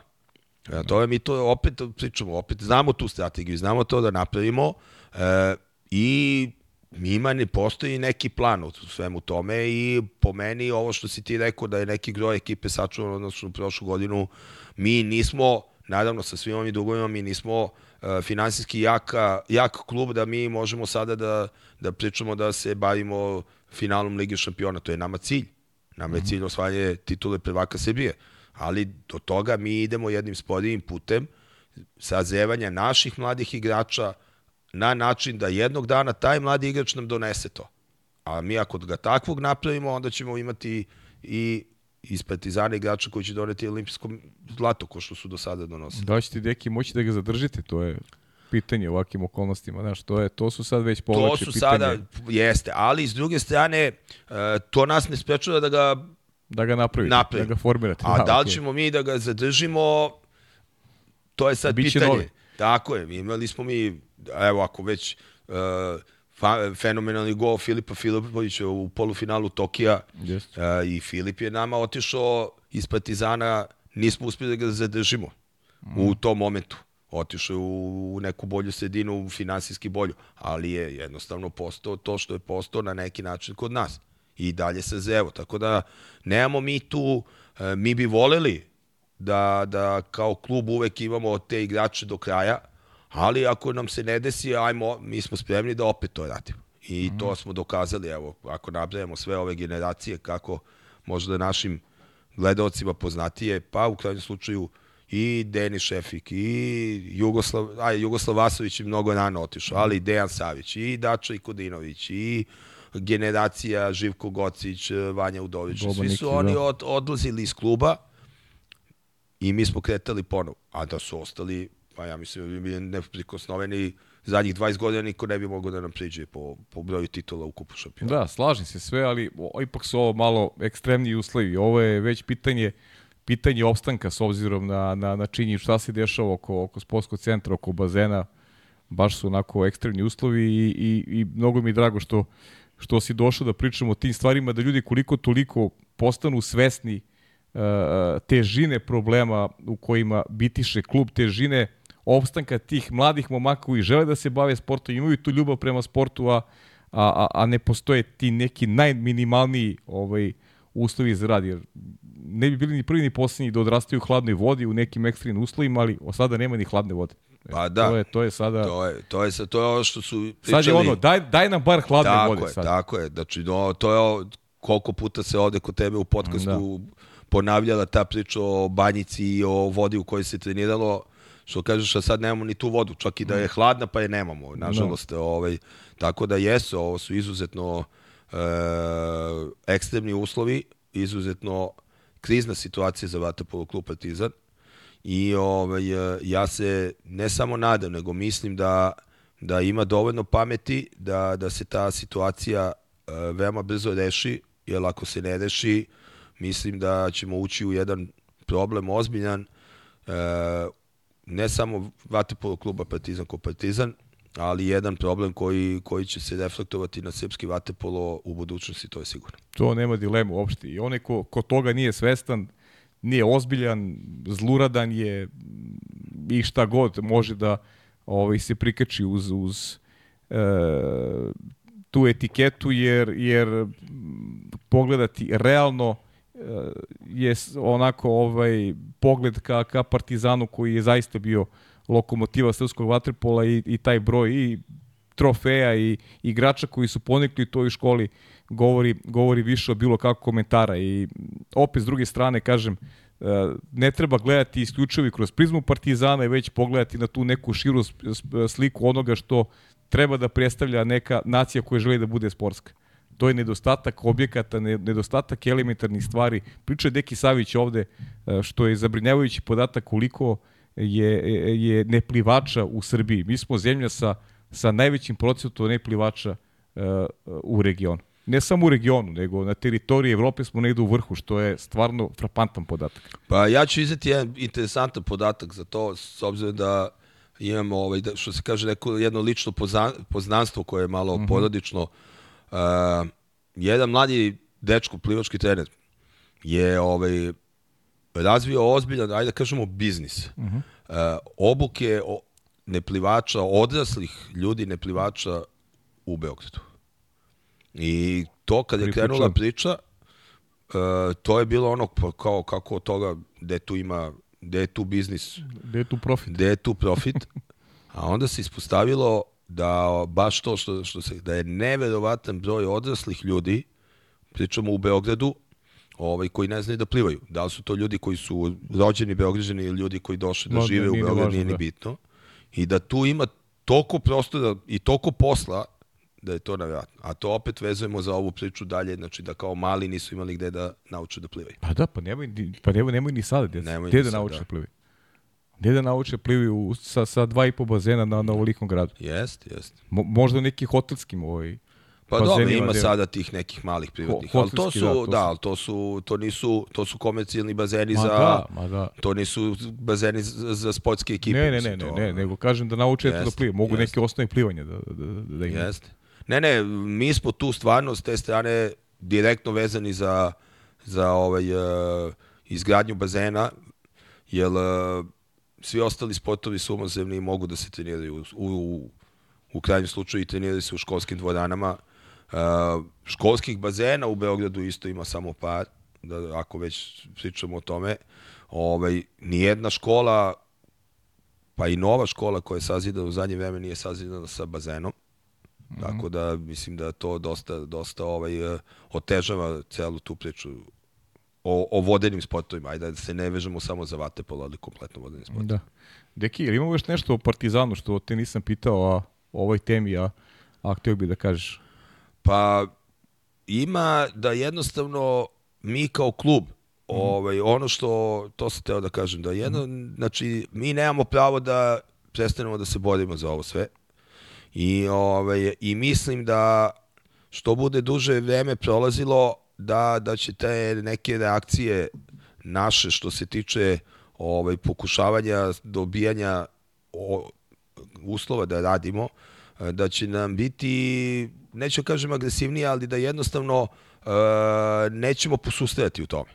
Znači da neće se gubiti tu motiv, da neće, se, da neće to biti e, kukali smo mesec dana, ništa se nije desilo i sad smo digli ruke. Uh -huh. e, nastavit ćemo da se borimo za to dok stvarno ne dođemo ponovo do, do us, normalnih uslova za rad e, koje mi zaslužemo kao Vatepol klub.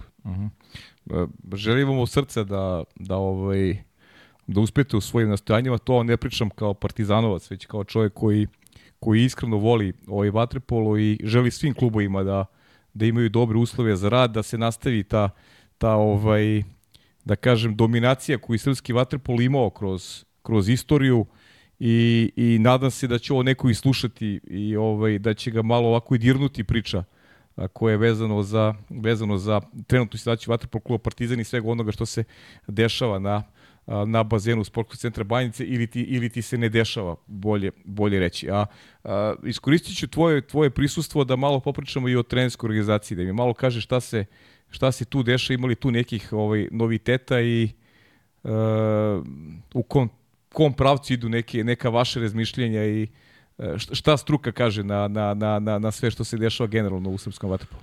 Pa, to je opet jedna ogromna tema uh -huh. u krajnjem slučaju.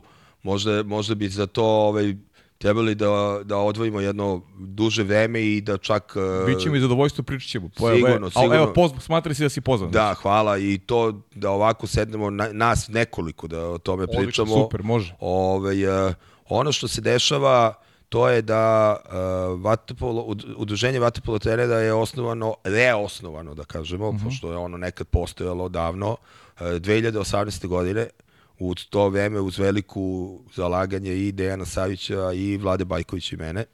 Uh, ja sam, nažalost, praktično pola godine po osnivanju tog udruženja otišao u inostranstvo i Vlada Bajković je otišao u inostranstvo, tako da je Dejan Savić jedan teret vođenja udruženja i angažovanja oko udruženja preuzeo na sebe i to vukao dobre, evo koliko, jedno četiri godine. Uh -huh. uh, on ovaj, je, je ostao, znači došlo je do, do praktično malih promjena u rukovodišnjoj strukturi udruženja. Ja kad sam se vratio, ponuđeno da ponovo preuzmem da budem predsednik udruženja. Uh, Dejan Savić je ostao u upravnom odboru udruženja i praktično ostao kao nek, naš uh, glavni čovek, odnosno da kažemo ovaj glavni strateg svega što mi hoćemo da uradimo s obzirom na njegove rezultate, na znanje i sve, to, to se ne postavlja pitanje i mi smo se saglasili oko toga da jednostavno ta grupa ljudi koja sada bude deo koji će te neke uh, ideje koje postoje uh, i koje imamo kroz razgovore sa njim jednostavno pokušati da sprovede u delo. Tu mislim i na sebe, mislim i na Antu Vasovića kao predsjednika upravnog odbora, članove upravnog odbora koji su tu i Gordon Kostanović i Slađa, ovaj, Drezgić, uh mhm. -huh. i ovaj, ostali članovi upravnog odbora, da jednostavno Marko Avramović koji je generalni sekretar, da, da to pokušamo da na neki način, neću kažem ponovo pokrenemo, ali jedna pauza koja je nažalost e, vezana i za koronu i za neka događanja koje su bila posle olimpijskih igara u Tokiju, da jednostavno to, to dobije jedan novi zamajac. E, ono što nas očekuje u narednom periodu, očekuju nas, e, očekuju nas, odnosno ušli smo već u organizaciju jednog trenerskog seminara koji će biti početkom decembra, za koji će biti obavezujući za sve naše trenere za, za osobu kojih oni dobijaju te potrebne poene za uh, produžavanje ili izdavanje dozvola za rad. To je uh, ono što je naš glavni pravac, znači to je edukacija trenera. Uh -huh. uh, mi bi posle toga nastavili i sa regionalnim seminarima, nastavili bi i sa nekim većim seminarima na period od, od 5-6 meseci, znači neki sledeći seminar je već planiran i teme za sledeći seminar su već određene koje bi trebao bude u martu aprilu. E, ono što nam je želja da uh, uđemo, što se kaže, u glavu trenera i da jednostavno uh, treneri shvate da moraju da, da napreduju i da se edukuju i da mm -hmm. ne smeju da ostaju na nekom nivou koji je bio na njihovom pred godinu, dve ili pet godina ili deset godina. Uh, imali smo razgovore i u Vatapolo Savezu, pošto smo mi članovi uh, kao organizacija, članovi Vatapolo Saveza Srbije, u kontekstu da jednostavno smatramo da je Vatapolo Savez Srbije, odnosno njihov stručni savet, praktično ta taj koji bi trebao nama da daje smernice i oko toga, i oko edukacije, i u kraju slučaju, na primjer, u organizaciji seminara, šta, šta je cilj, šta želimo, šta, ko, šta želimo sa edukacijom trenera za ukratkoročno, šta želimo dugoročno, jer mhm. mislim da ovaj, jednostavno jedino na taj način znači tom zajedničkom zajedničkim funkcionisanju što je od prvog dana i ideja udruženja trenera, znači udruženje trenera nije nezavisno. Ono jeste jednim delom nezavisno, ali ono treba bude servis naše krovne organizacije koji će pomoći u tome da mi imamo bolje trenere.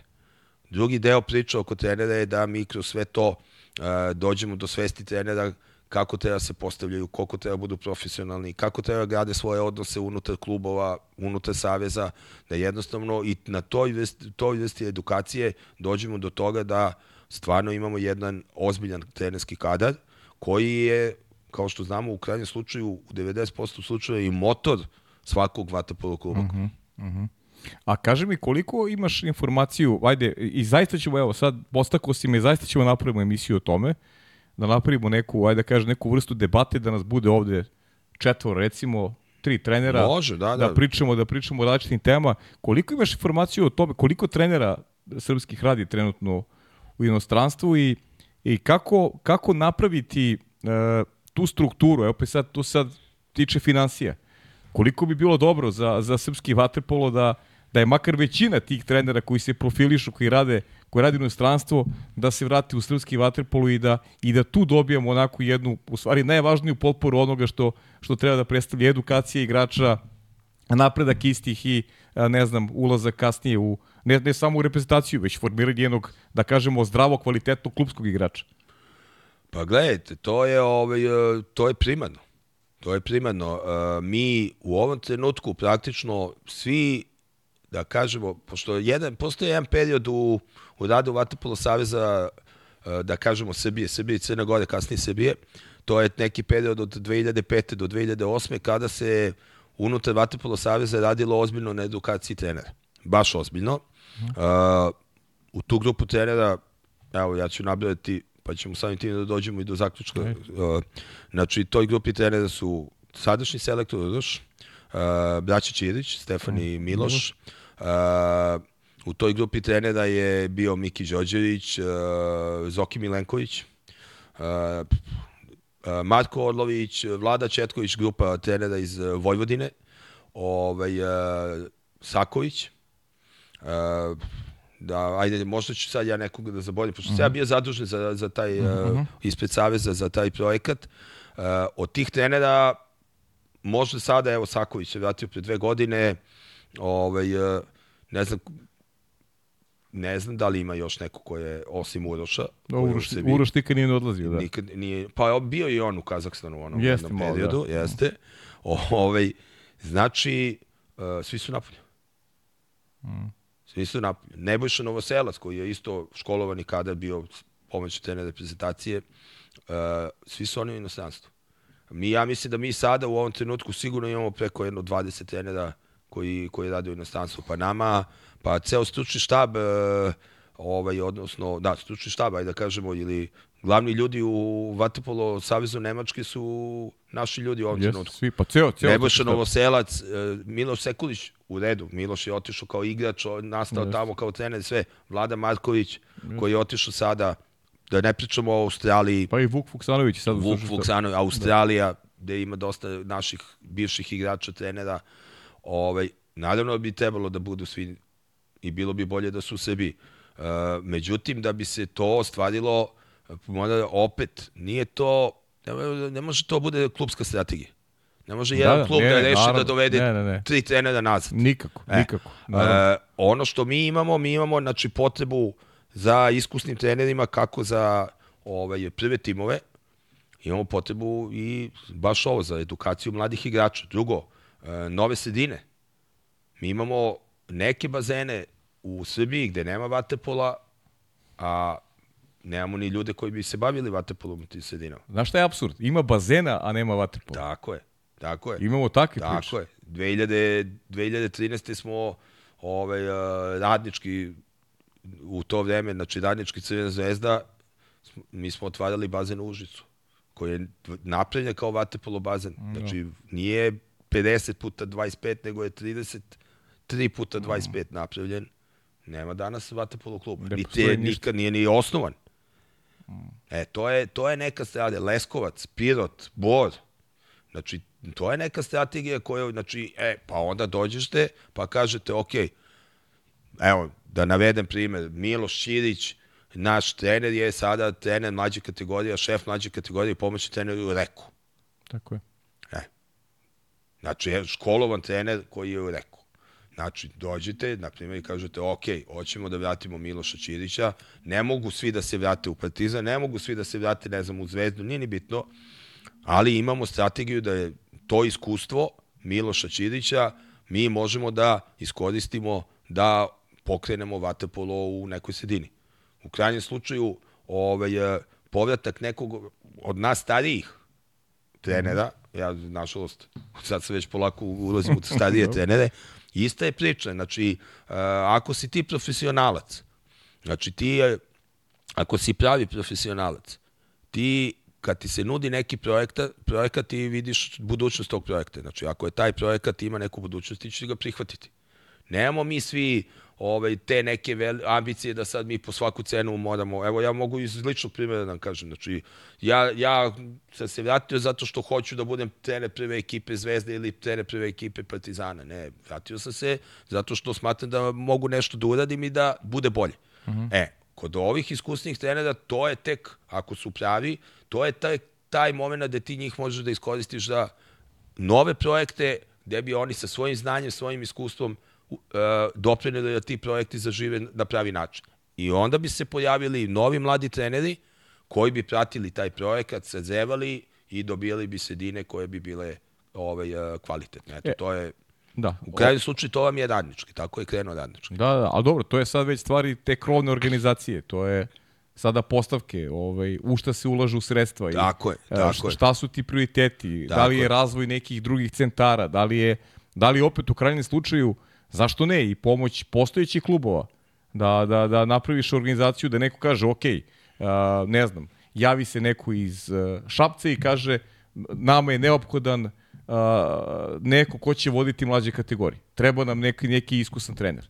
Kaže, krovna organizacija kaže, ok, mi ćemo da pomognemo, vidimo da ima tamo mladih igrača talentovanih, mi ćemo pomognemo tako što ćemo da rešimo platu tog trenera, vi imate ovaj vi imate, a mislim sad ja karikiram malo. Naravno, i mislim da ovaj, mislim da si uzeo ovaj, primjer Šapca koji je izuzetno organizovan sad već klub. Znači, Pa možemo se Šabac pričamo- zato što baš ima dobre te mlađe Tako je, kategorije. ali je Šabac u krajnjem slučaju prepoznao Emila Nikolića kao Tako osobu je. koja to može da im je. organizuje i evo već tri godine oni, se ne ležemo, oni su ovaj, u mlađim kategorijama, uh, ajde, pored nas, a prošle godine i malo bolji od nas, što se tiče nekih Ma ne, rezultata i svega. dole, svaka kapa ali ostale neke sredine manje, hvala Bogu, To je, to je cela ta, ta priča koja treba da postoji.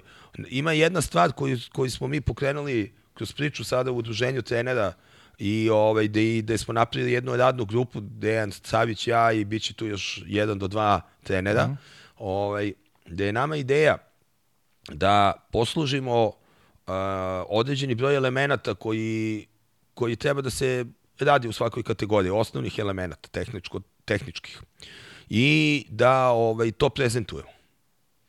I sad nije problem da prezentuje, to ćemo prezentovati na nekim regionalnim seminarima i sve. Uh -huh. Ideja nam je da mi sada da bi ušli u tu duboku obuku trenera, ako pričamo sada direktno kao udruženje, ovaj, nama je ideja da mi to, osim što prezentujemo, gledamo kako se sprovodi. Odnosno, ne da budemo ti koji ćemo kažemo ne valja ovo što radiš, nego da imamo mogućnost da u određenim vremenskim periodima obilazimo baš te manje sredine. Ne trebamo mi da idemo u Šabac da vidimo kako rade, jer da, da. imamo već u krajnjem slučaju najjatniji i neki treneri Šabća će biti deo te radne grupe. Uh -huh. Ove, e, nego da imamo, da odemo, evo, na primjer, Niš, koji ima uh -huh. realno veliki problem trenutno sa Vatepolom Niš koji je igrao polufinale uh, Eurokupa pre 15 godina, jel tako, 17 koliko već ima, ovaj, odemo tamo, odemo u Kikindu, odemo mm. u Sentu, odemo Zrenjanin. Zrenjanin. Radimo sa tim trenerima. Znači, to je neka ideja. Opet, to bi bilo, treba, imamo te trenere koji su spremni, znači koji, ne, koji imaju slobodnog vremena, koji nemaju angažman. Sve to da organizujemo, da bi onda i ušli u to da obučimo trenere koji bi opet to prenosili na decu i mi bi dobijali... Mm -hmm. Ovo nije, moram da vam kažem, ovo što vam pričam, to već postoji u drugim sportovima. Ja, ja sam ovaj, dobar prijatelj sa uh, Zoranom Gajićem, sadašnjim mm -hmm. ministrom, mm -hmm. i ovaj, dugo se znamo i dosta sam pričao s njim još dok je bio predsednik Odbojkaškog savjeza i ovaj, to što on je radio u odbojci i sad imam jednog dobrog prijatelja ovaj, koji je u ženskoj odbojci, koji je predsednik udruženja odbojkaških trenera Beograda i oni sve to rade. Ne znam, za košarka sigurno isto radi. Da, ne, ne, ne znam, ali ja nemam, ali odbojka sve ovo radi što priča. Znači da oni imaju, ali imaju i budžet kao udruženje. E, pa to ste ti kažem. Imaju, da. oni su deo, znači oni dobijaju uh, deo sredstava dobijaju od Odbojkaškog savjeza Srbije, imaju ozbiljno članstvo, imaju način na koji uh, dolaze do, do dodatnih prihoda kroz uh, licenciranje, godišnje licenciranje trenera i oni to rade. E, a mi da bi to uradili, mi to sve možemo sprovedemo, ali opet ćemo doći do toga da moramo se okrenemo po dva osnova krovnoj organizaciji. To je prvo, ako već pričamo o ovim elementima i da kažemo da kako bi trebalo da bude, to je da mi na neki način selektiramo određeni broj elemenata, a da onda sednemo u Vatepolo savezu sa stručnim savjetom, sa selektorom i da onda kažemo, ok, to je to. I onda imamo čistu situaciju da je to nešto što je na nivou krovne organizacije odobreno. Onda imamo posle toga drugi deo, a to je, ok, mi sve to možemo, mi nismo profitabilna organizacija, mi smo udruženje, imamo članove koji plaćaju članarine, neke donacije koje uspemo da nađemo, za takav projekat mi treba da imamo pokriveno uh, finansiranje tog projekta, znači da taj trener bude plaćen što odlazi, da li od lokalne, ne, nije to, kako da objasnim, nemoj da to, nije to sve da sada dođete i kažete nama treba 50.000 eura da bi mi to spravili, možete to da nam date. Ali nekim ozbiljnim angažovanjem, to može bude pokriveno od lokalne zajednice, je tako, može da bude pokriveno od nekog uh, lokalnog sponzora, klub, uh, znači, posto, ali to je onda, radimo zajedno na tome i to, je, to su ozbiljni projekti. Da, da, da. Zanimljiva tema, strašno, kažem ti, evo, obećavam, dakle, na vezi smo, ti ja i dogovaramo se da napravimo jednu takvu emisiju, jer stvarno možemo sada da pričamo u nedogled o ovome. Stvarno je, Sigurno, da mogli bi satima. E, mogli bi, bukvalno satima, interesantna je strašno tema. A, dakle, imamo dogovor, imamo dogovor, rešit ćemo, rešit ćemo tu emisiju jer je baš zanimljivo.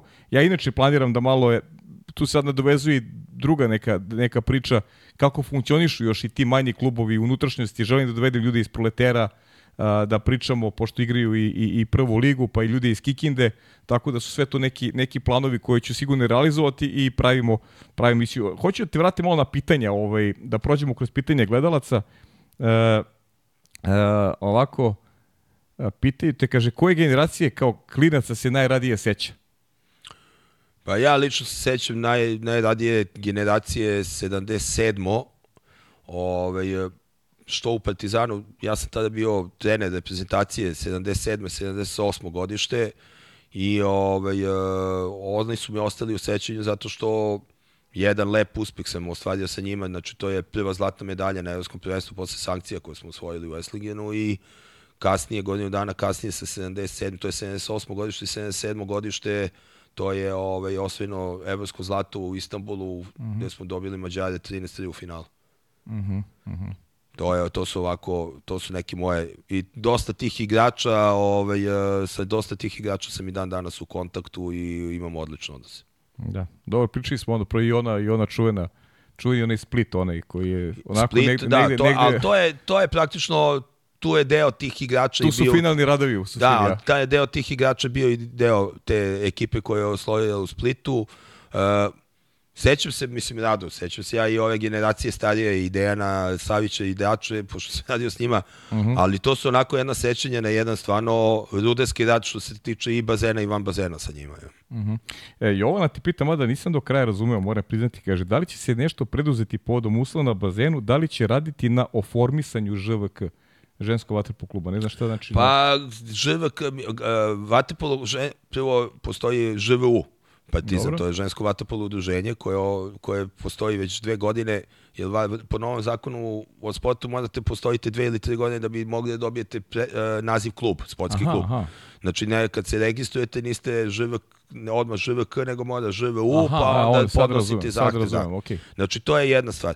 Druga stvar, e, to je projekat koji je počeo pre nego što se ja došao u klub, znači godinu dana pre mene, i koji je na neki način vezan za neke uslove koje mi imamo na bazenu, uh, E, nažalost, e, to ne ide onako, evo ja vam otvoreno kažem, e, pogotovo što ja imam jednu vrstu simpatije, s obzirom da sam bio i selektor da. ženske reprezentacije Srbije i to kod nas u klubu ne ide onako kako bi trebalo i kako, kako pogotovo kako bi ja iskreno želeo, ja bi to želeo da bude mnogo, mnogo bolje. E, pogotovo su one isto sada pogođene e, sa Naravno. tim da ne pričam kad je ladna voda kad je voda ispod 24 stepena, šta to znači za jednog Devojku, dečaka, šta da. znači za jednu devojku. Tako da ovaj, e, ja se nadam da o, ako budemo se izborili sa uslovima sve, da je to nešto što bi modeli ozbiljne da se pozabavimo u narednom periodu. Uh mhm, -huh, dobro.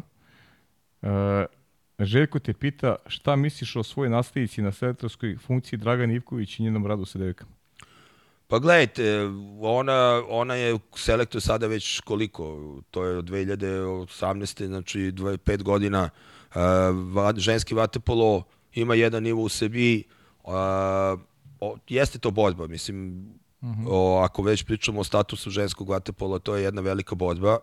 Ove, uh, mislim da ona se bori koliko može uh, uh, što se tiče tog nekog uh, nivoa na, na nivou Srbije, odnosno srpske reprezentacije. Tu su rezultati koji, koji su otprilike isti ko što su i bili, znači neki, neki trend poboljšanja rezultata ili pogoršanja rezultata ne postoji.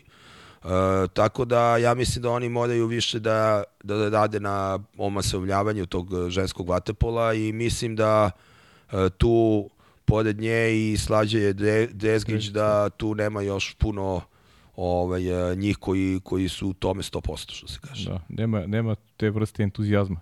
Pa ne vidim ne mm -hmm. vidim ga, osim njih dve, ja ne vidim tu da je tu neki veliki entuzijazam kod ostalih. Pa ja znam da će se provjeri nešto, pošto ima, ima se prilike pozna neke devojaka, baš su jako i ambiciozne i... Pa i, to je opet i, do strategije. Da. Opet se vraćamo na, na, na krovnu organizaciju. Da, da, da, tako je. Uh, evo je odbojka. muška i ženska, svi smo se bili setni kad je muška odbojka bila najbolja na svetu, sad smo svi setni kad je ženska odbojka bila najbolja na svetu i ovaj, a mi imamo vatepolo kad nam je najbolji na svetu, a ako ne bi bio najbolji vatepolo, mi žene nemamo da, da kažemo da smo zadovoljni sa ženama koje su opet najbolji. Mm -hmm. Tako da to je opet neka vrsta strategije koja mora da se, da se postavi prvo. Mm -hmm. Aca Stefanović, kaže, deca Partizana 2011. godište, mlađi kadeti, na turniru u Korču osvojili zlato, najbolji u regionu minimum uslova za trening su imali iz poznatih razloga zbog bazena. Da li možete prokomentarišite njihov uspeh sa Jovovićem? Mnogi vas prate pa neka čuju kakvu decu ima Partizan i pod kojim uslovima treniraju. Pa eto, to je jedna lepa, lepa ovaj, rezultat uh, uh, jedne generacije koja ovaj, uh, lepo, ono, pošto ih ja pratim sve i tu decu znam i po nosu sada već i mhm. sve, jer mi je to u opisu posla, ovaj, uh, lepo se razvijaju. Znači, rezultat koji su stvarili na Kočuli uh, je da kažem, prva mesta Partizana ima ih na hiljade. Evo, mm -hmm. otvoreno da kažem, znači Vatapolo Kup Partizan, ako bi krenuli popisujemo prva mesta na zvaničnim takmičenjima i na prijateljskim turnirima, u našoj istoriji sigurno da bi bila četvorocifrena brojka, to da se nalazi. Ono što je meni mnogo ovaj, značajnije od toga je to da jednostavno baš i pored ovih uslova koji, koji su već imali efekta na njihovu spremu za taj turnir, a, mi smo na tom turniru uspeli neke stvari koje do sada ta generacija nije uspela. To je da a, a, e, pobede Jadran Herceg Novi dva puta koji u toj generaciji do tada sa svim tim svojim sada crnogorskim takmičenjima i nekim turnirima nije izgubio utakmicu. Uh mhm. -huh. I da prvi put u toj generaciji pobedimo Vatepu klub Šabac koji je nas do sada pobeđivao. Tako da je to meni neki, neki reper uh, i neko zadovoljstvo mi predstavlja, a sigurno da pokazuje da je to su neke generacije koje možemo kažemo da su ta budućnost Partizana na osnovu kojih mi pravimo strategiju za duži period. Uh -huh. e, kaže e, Vaso Crnogorac, koji deo karijere mu je e, bio najbolji i šta mu je bolje kao trener i koordinator ili kao igrač? Ma ne, ja kao igrač e, nisam bio nešto, ja sam sa 17 godina prestao da igram. Mm -hmm. Tako da, ove, je to daleko kakvi to. To nije vredno nekog spomena. Mislim, dobro, jesu generacije bile da je jedan igrač po generaciji uspeo da obaci do prvog tima Partizana. To, a ovako, što se tiče e, trenerske karijere, pa ovo što sam pričao sada, kada uđete u ove godine, onda su vam sve projekti. Znači, mm -hmm. ovaj, uh, Eh, ja to gledam kao projekte i mogu vam, mislim naravno da sve što sam osvajao, što kroz eh, reprezentaciju, što kroz eh, klubska takmičenja mi je drago, ali mi je drago neki uspešan projekat koji, ovaj, koji ostane posle mene. I o, poslednje tako nešto je ovo, baš što sam bio tri godine u Egiptu, zato što ovaj, sam doživeo da, da me zovu posle godinu dana i da mi se zahvaljuju da ta deca koja su radila u sistemu koji sam ja postavio, a koji sad su ovaj, došli do toga da su u prvom timu su im donela titulu. I, da, i zovu me i, znači, ne zovu me prijatelji, zovu me direktno iz menadžmenta kluba i zahvaljuju mi se na tome. Tako da je to nešto što, što je onako ostavlja uvek utisak lepo. Uh -huh.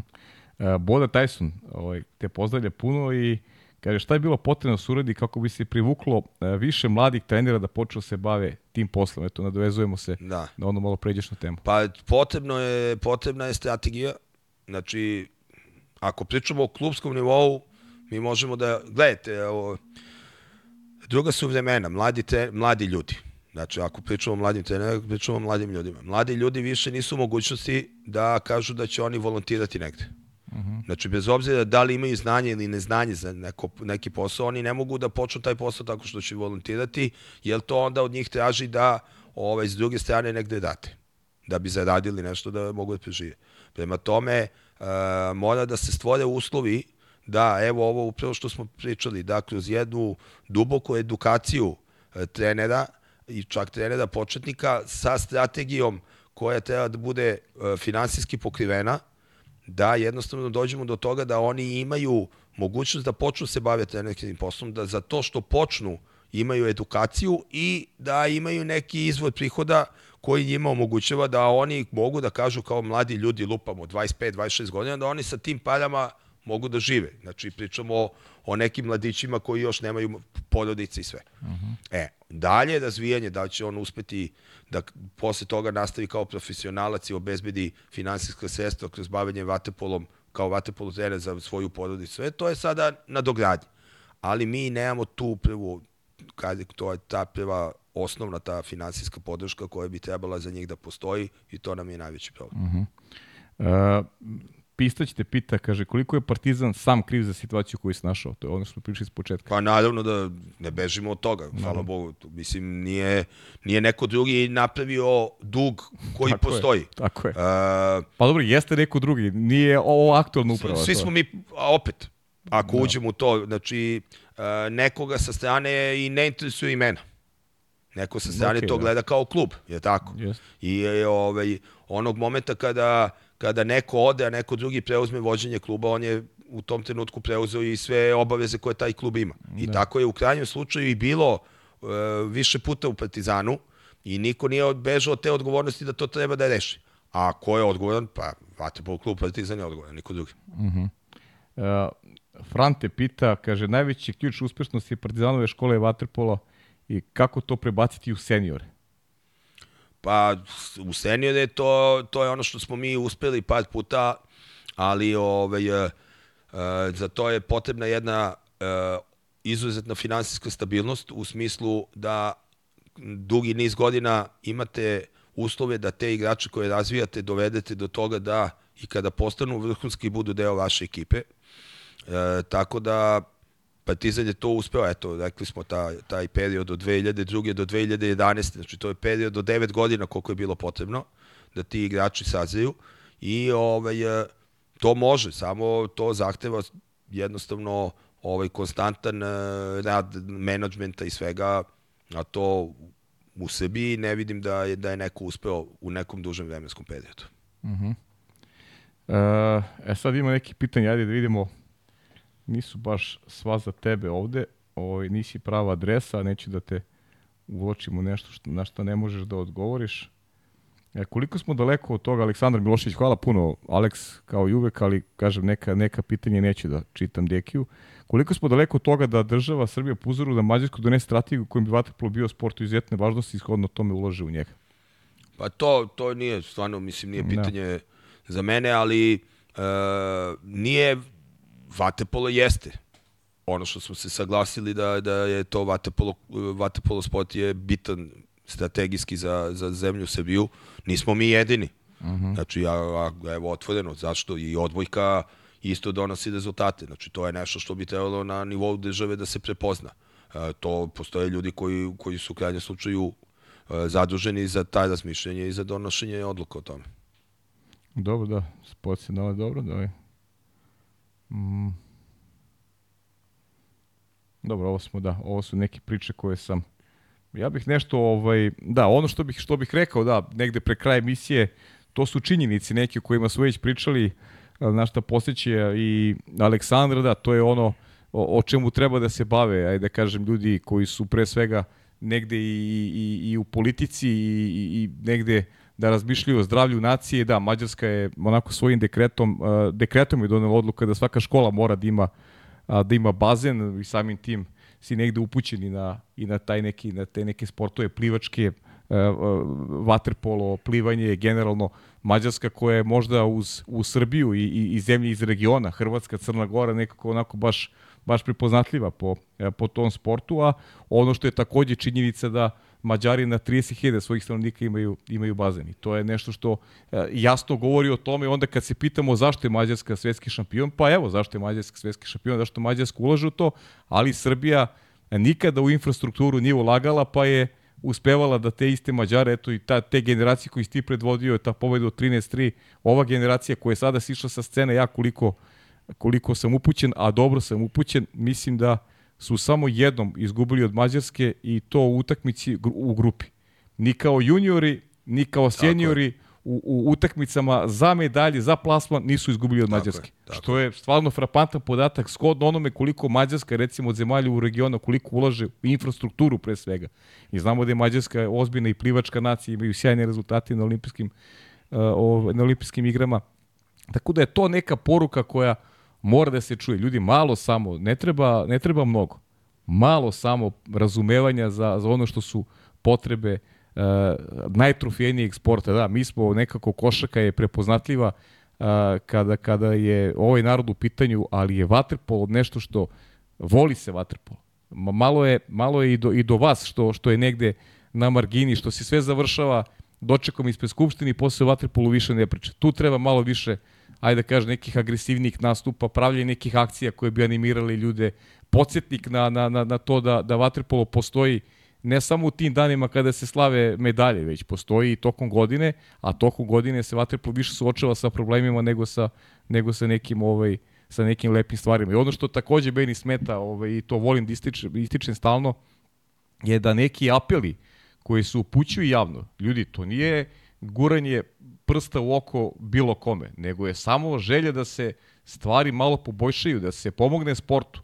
Tako da su i neki igrači nekada bili onako uh, obeleženi onako potpuno bespotrebno zato što žele svom sportu dobro. Ni u koga nisu upirali prstom, nego žele prosto svom sportu dobro. Žele da ostave nešto iza sebe. To je nešto što i ljudska normalna reakcija i uh, samo malo više razumevanja, malo više ovaj, uh, uh, energije u ono što treba da pomogne svrsi, a, a svrha je vajda da, da taj sport uh, opstane, da taj sport nastavi sa, sa onim što usrećuje generalno ceo narod, a to su, to su ovi vrhunski rezultati. Pa to sigurno. Drugo, ove, ovaj, ono što sam ja teo isto ovako za, za kraj, uh, Vatepolo je kao sport iznedrio ogroman broj uspešnih ljudi. Da. I ovaj, ono što, što bi meni bila želja kako za Partizana, mogu da kažem i generalno za srpski vatepolo je da ti ljudi ovaj, stvarno obrate pažnju na, na sport koji im je to omogućio. Uh -huh. e, ima puno koji pomažu, ima koji su pomagali, ima sigurno koji će pomagati u budućnosti, ali ne trebamo ni jednog trenutka da zaboravimo da smo do nekih stvari došli zahvaljujući tome što smo se bavili prvenstveno vatepol. Tako da ovaj, e, nama je potreban to ovo što si ti rekao, znači potrebno nam je velika, jedna velika angažovanost svih nas i, ovaj, i jedna velika pomoć svih ljudi oko nas, pogotovo ljudi koji, koji, koji imaju korene u vatepolu. I onda ta, i na taj način vatepolo može da, da se razvija i da ima bolji status i u krajnjem slučaju i topliju vodu i bolje trenere i sve nego što ima sada. Deki, eto uz ovu tvoju poruku možda ovaj, možemo i da zaključujemo ovo naše druženje današnje i imaćemo eto prilike pričat ćemo o trenerskoj organizaciji, to sam obećao ne zato što sam obećao, nego zato što mi je stvarno super interesantna tema i sve što može da pomogne afirmaciji sporta, ovaj, svaku ću učiniti sve što je do mene, da, da, se, da se baš glas čuje. I uz onu poruku još jednom, ljudi, ajde da se ne delimo više na, na, na crno i crveno, da se ne delimo, nego da, da budemo složni, da, da pomognemo da, da ovaj sport da ovaj sport opstane i da i da ovaj se približi onome što je neki standard u Mađarskoj. Eto to je neka moja velika želja da da da ljudi koji mogu da pomognu da da ovaj učine to malo kako kako bi smo dosegli eto taj nivo, makar bili blizu tog nivoa koji imaju Mađari jer jer sa sa takvim ovaj sa infrastrukturom i sa i sa ovaj momentom u kome deca mogu adekvatno da se razvijaju Pa ja mislim da je samo nebo granica onda u toj situaciji. Da. Lepo si ovo rekao, kad bi e, mnogi uradili malo, to bi bilo jedno puno veliko. Je. Da. Samo da ne bude, samo da, da ne bude guranje po tepih i, i ovaj, ono, ono klasično ovaj, ne komši crkne krava, ne, nego ajmo da se ujedinimo, da svima bude, da nam bude dobro malo na svima, mislim da se, da se previše delimo ovaj, i to je nešto što što nije dobro ovaj na, na nekom nekom generalnom nivou a sada sada pričamo konkretno o sportu da. koji koji volimo koji koji je ovaj i tebe negde napravio to što jesi, a opet s druge strane ja sam neko ko, ko je vas zavoleo pre svega i, i pokušava eto svoje pozicije da, da vam pomognem koliko je to da. moguće. Deki, hvala ti puno. Hvala vama. I družimo da. se, družimo se. Obavez, obavez. Ništa, eto, uz, uz eh, želju da, da se situacija neki optimista, ja baš nisam toliki optimista, ali ali bih voleo da, da, da se stvari zaista promene, da, da bazen na banjici što je pre moguće zaživi, da, da deca i devojčice dobiju to neko uhlebljenje, uhlebljenje je za njih svakako trening u, u toploj vodi, a ja ću s ove pozicije apelovati i dalje, a ljudi vi razmislite šta ste uradili i koliko ste ovaj, doprinuli tome da, da situacija oko Vatrepolo kluba Partizan oko Pezena na Banjici bude bolja ili lošija. A mi ćemo nastaviti sa Vatrepolo temama svakako. U narednoj epizodi gošći biti Alvaro Granados, vaterpolista Novog Beograda, a onda u neko dogledno vreme i ova priča sa Dekijem o trenerskoj organizaciji i kao što sam i običao malo priče o klubovima iz unutrašnjosti. E, spremite se ljudi iz proletera, zvaću vas vrlo brzo. Hvala vam na pažnji.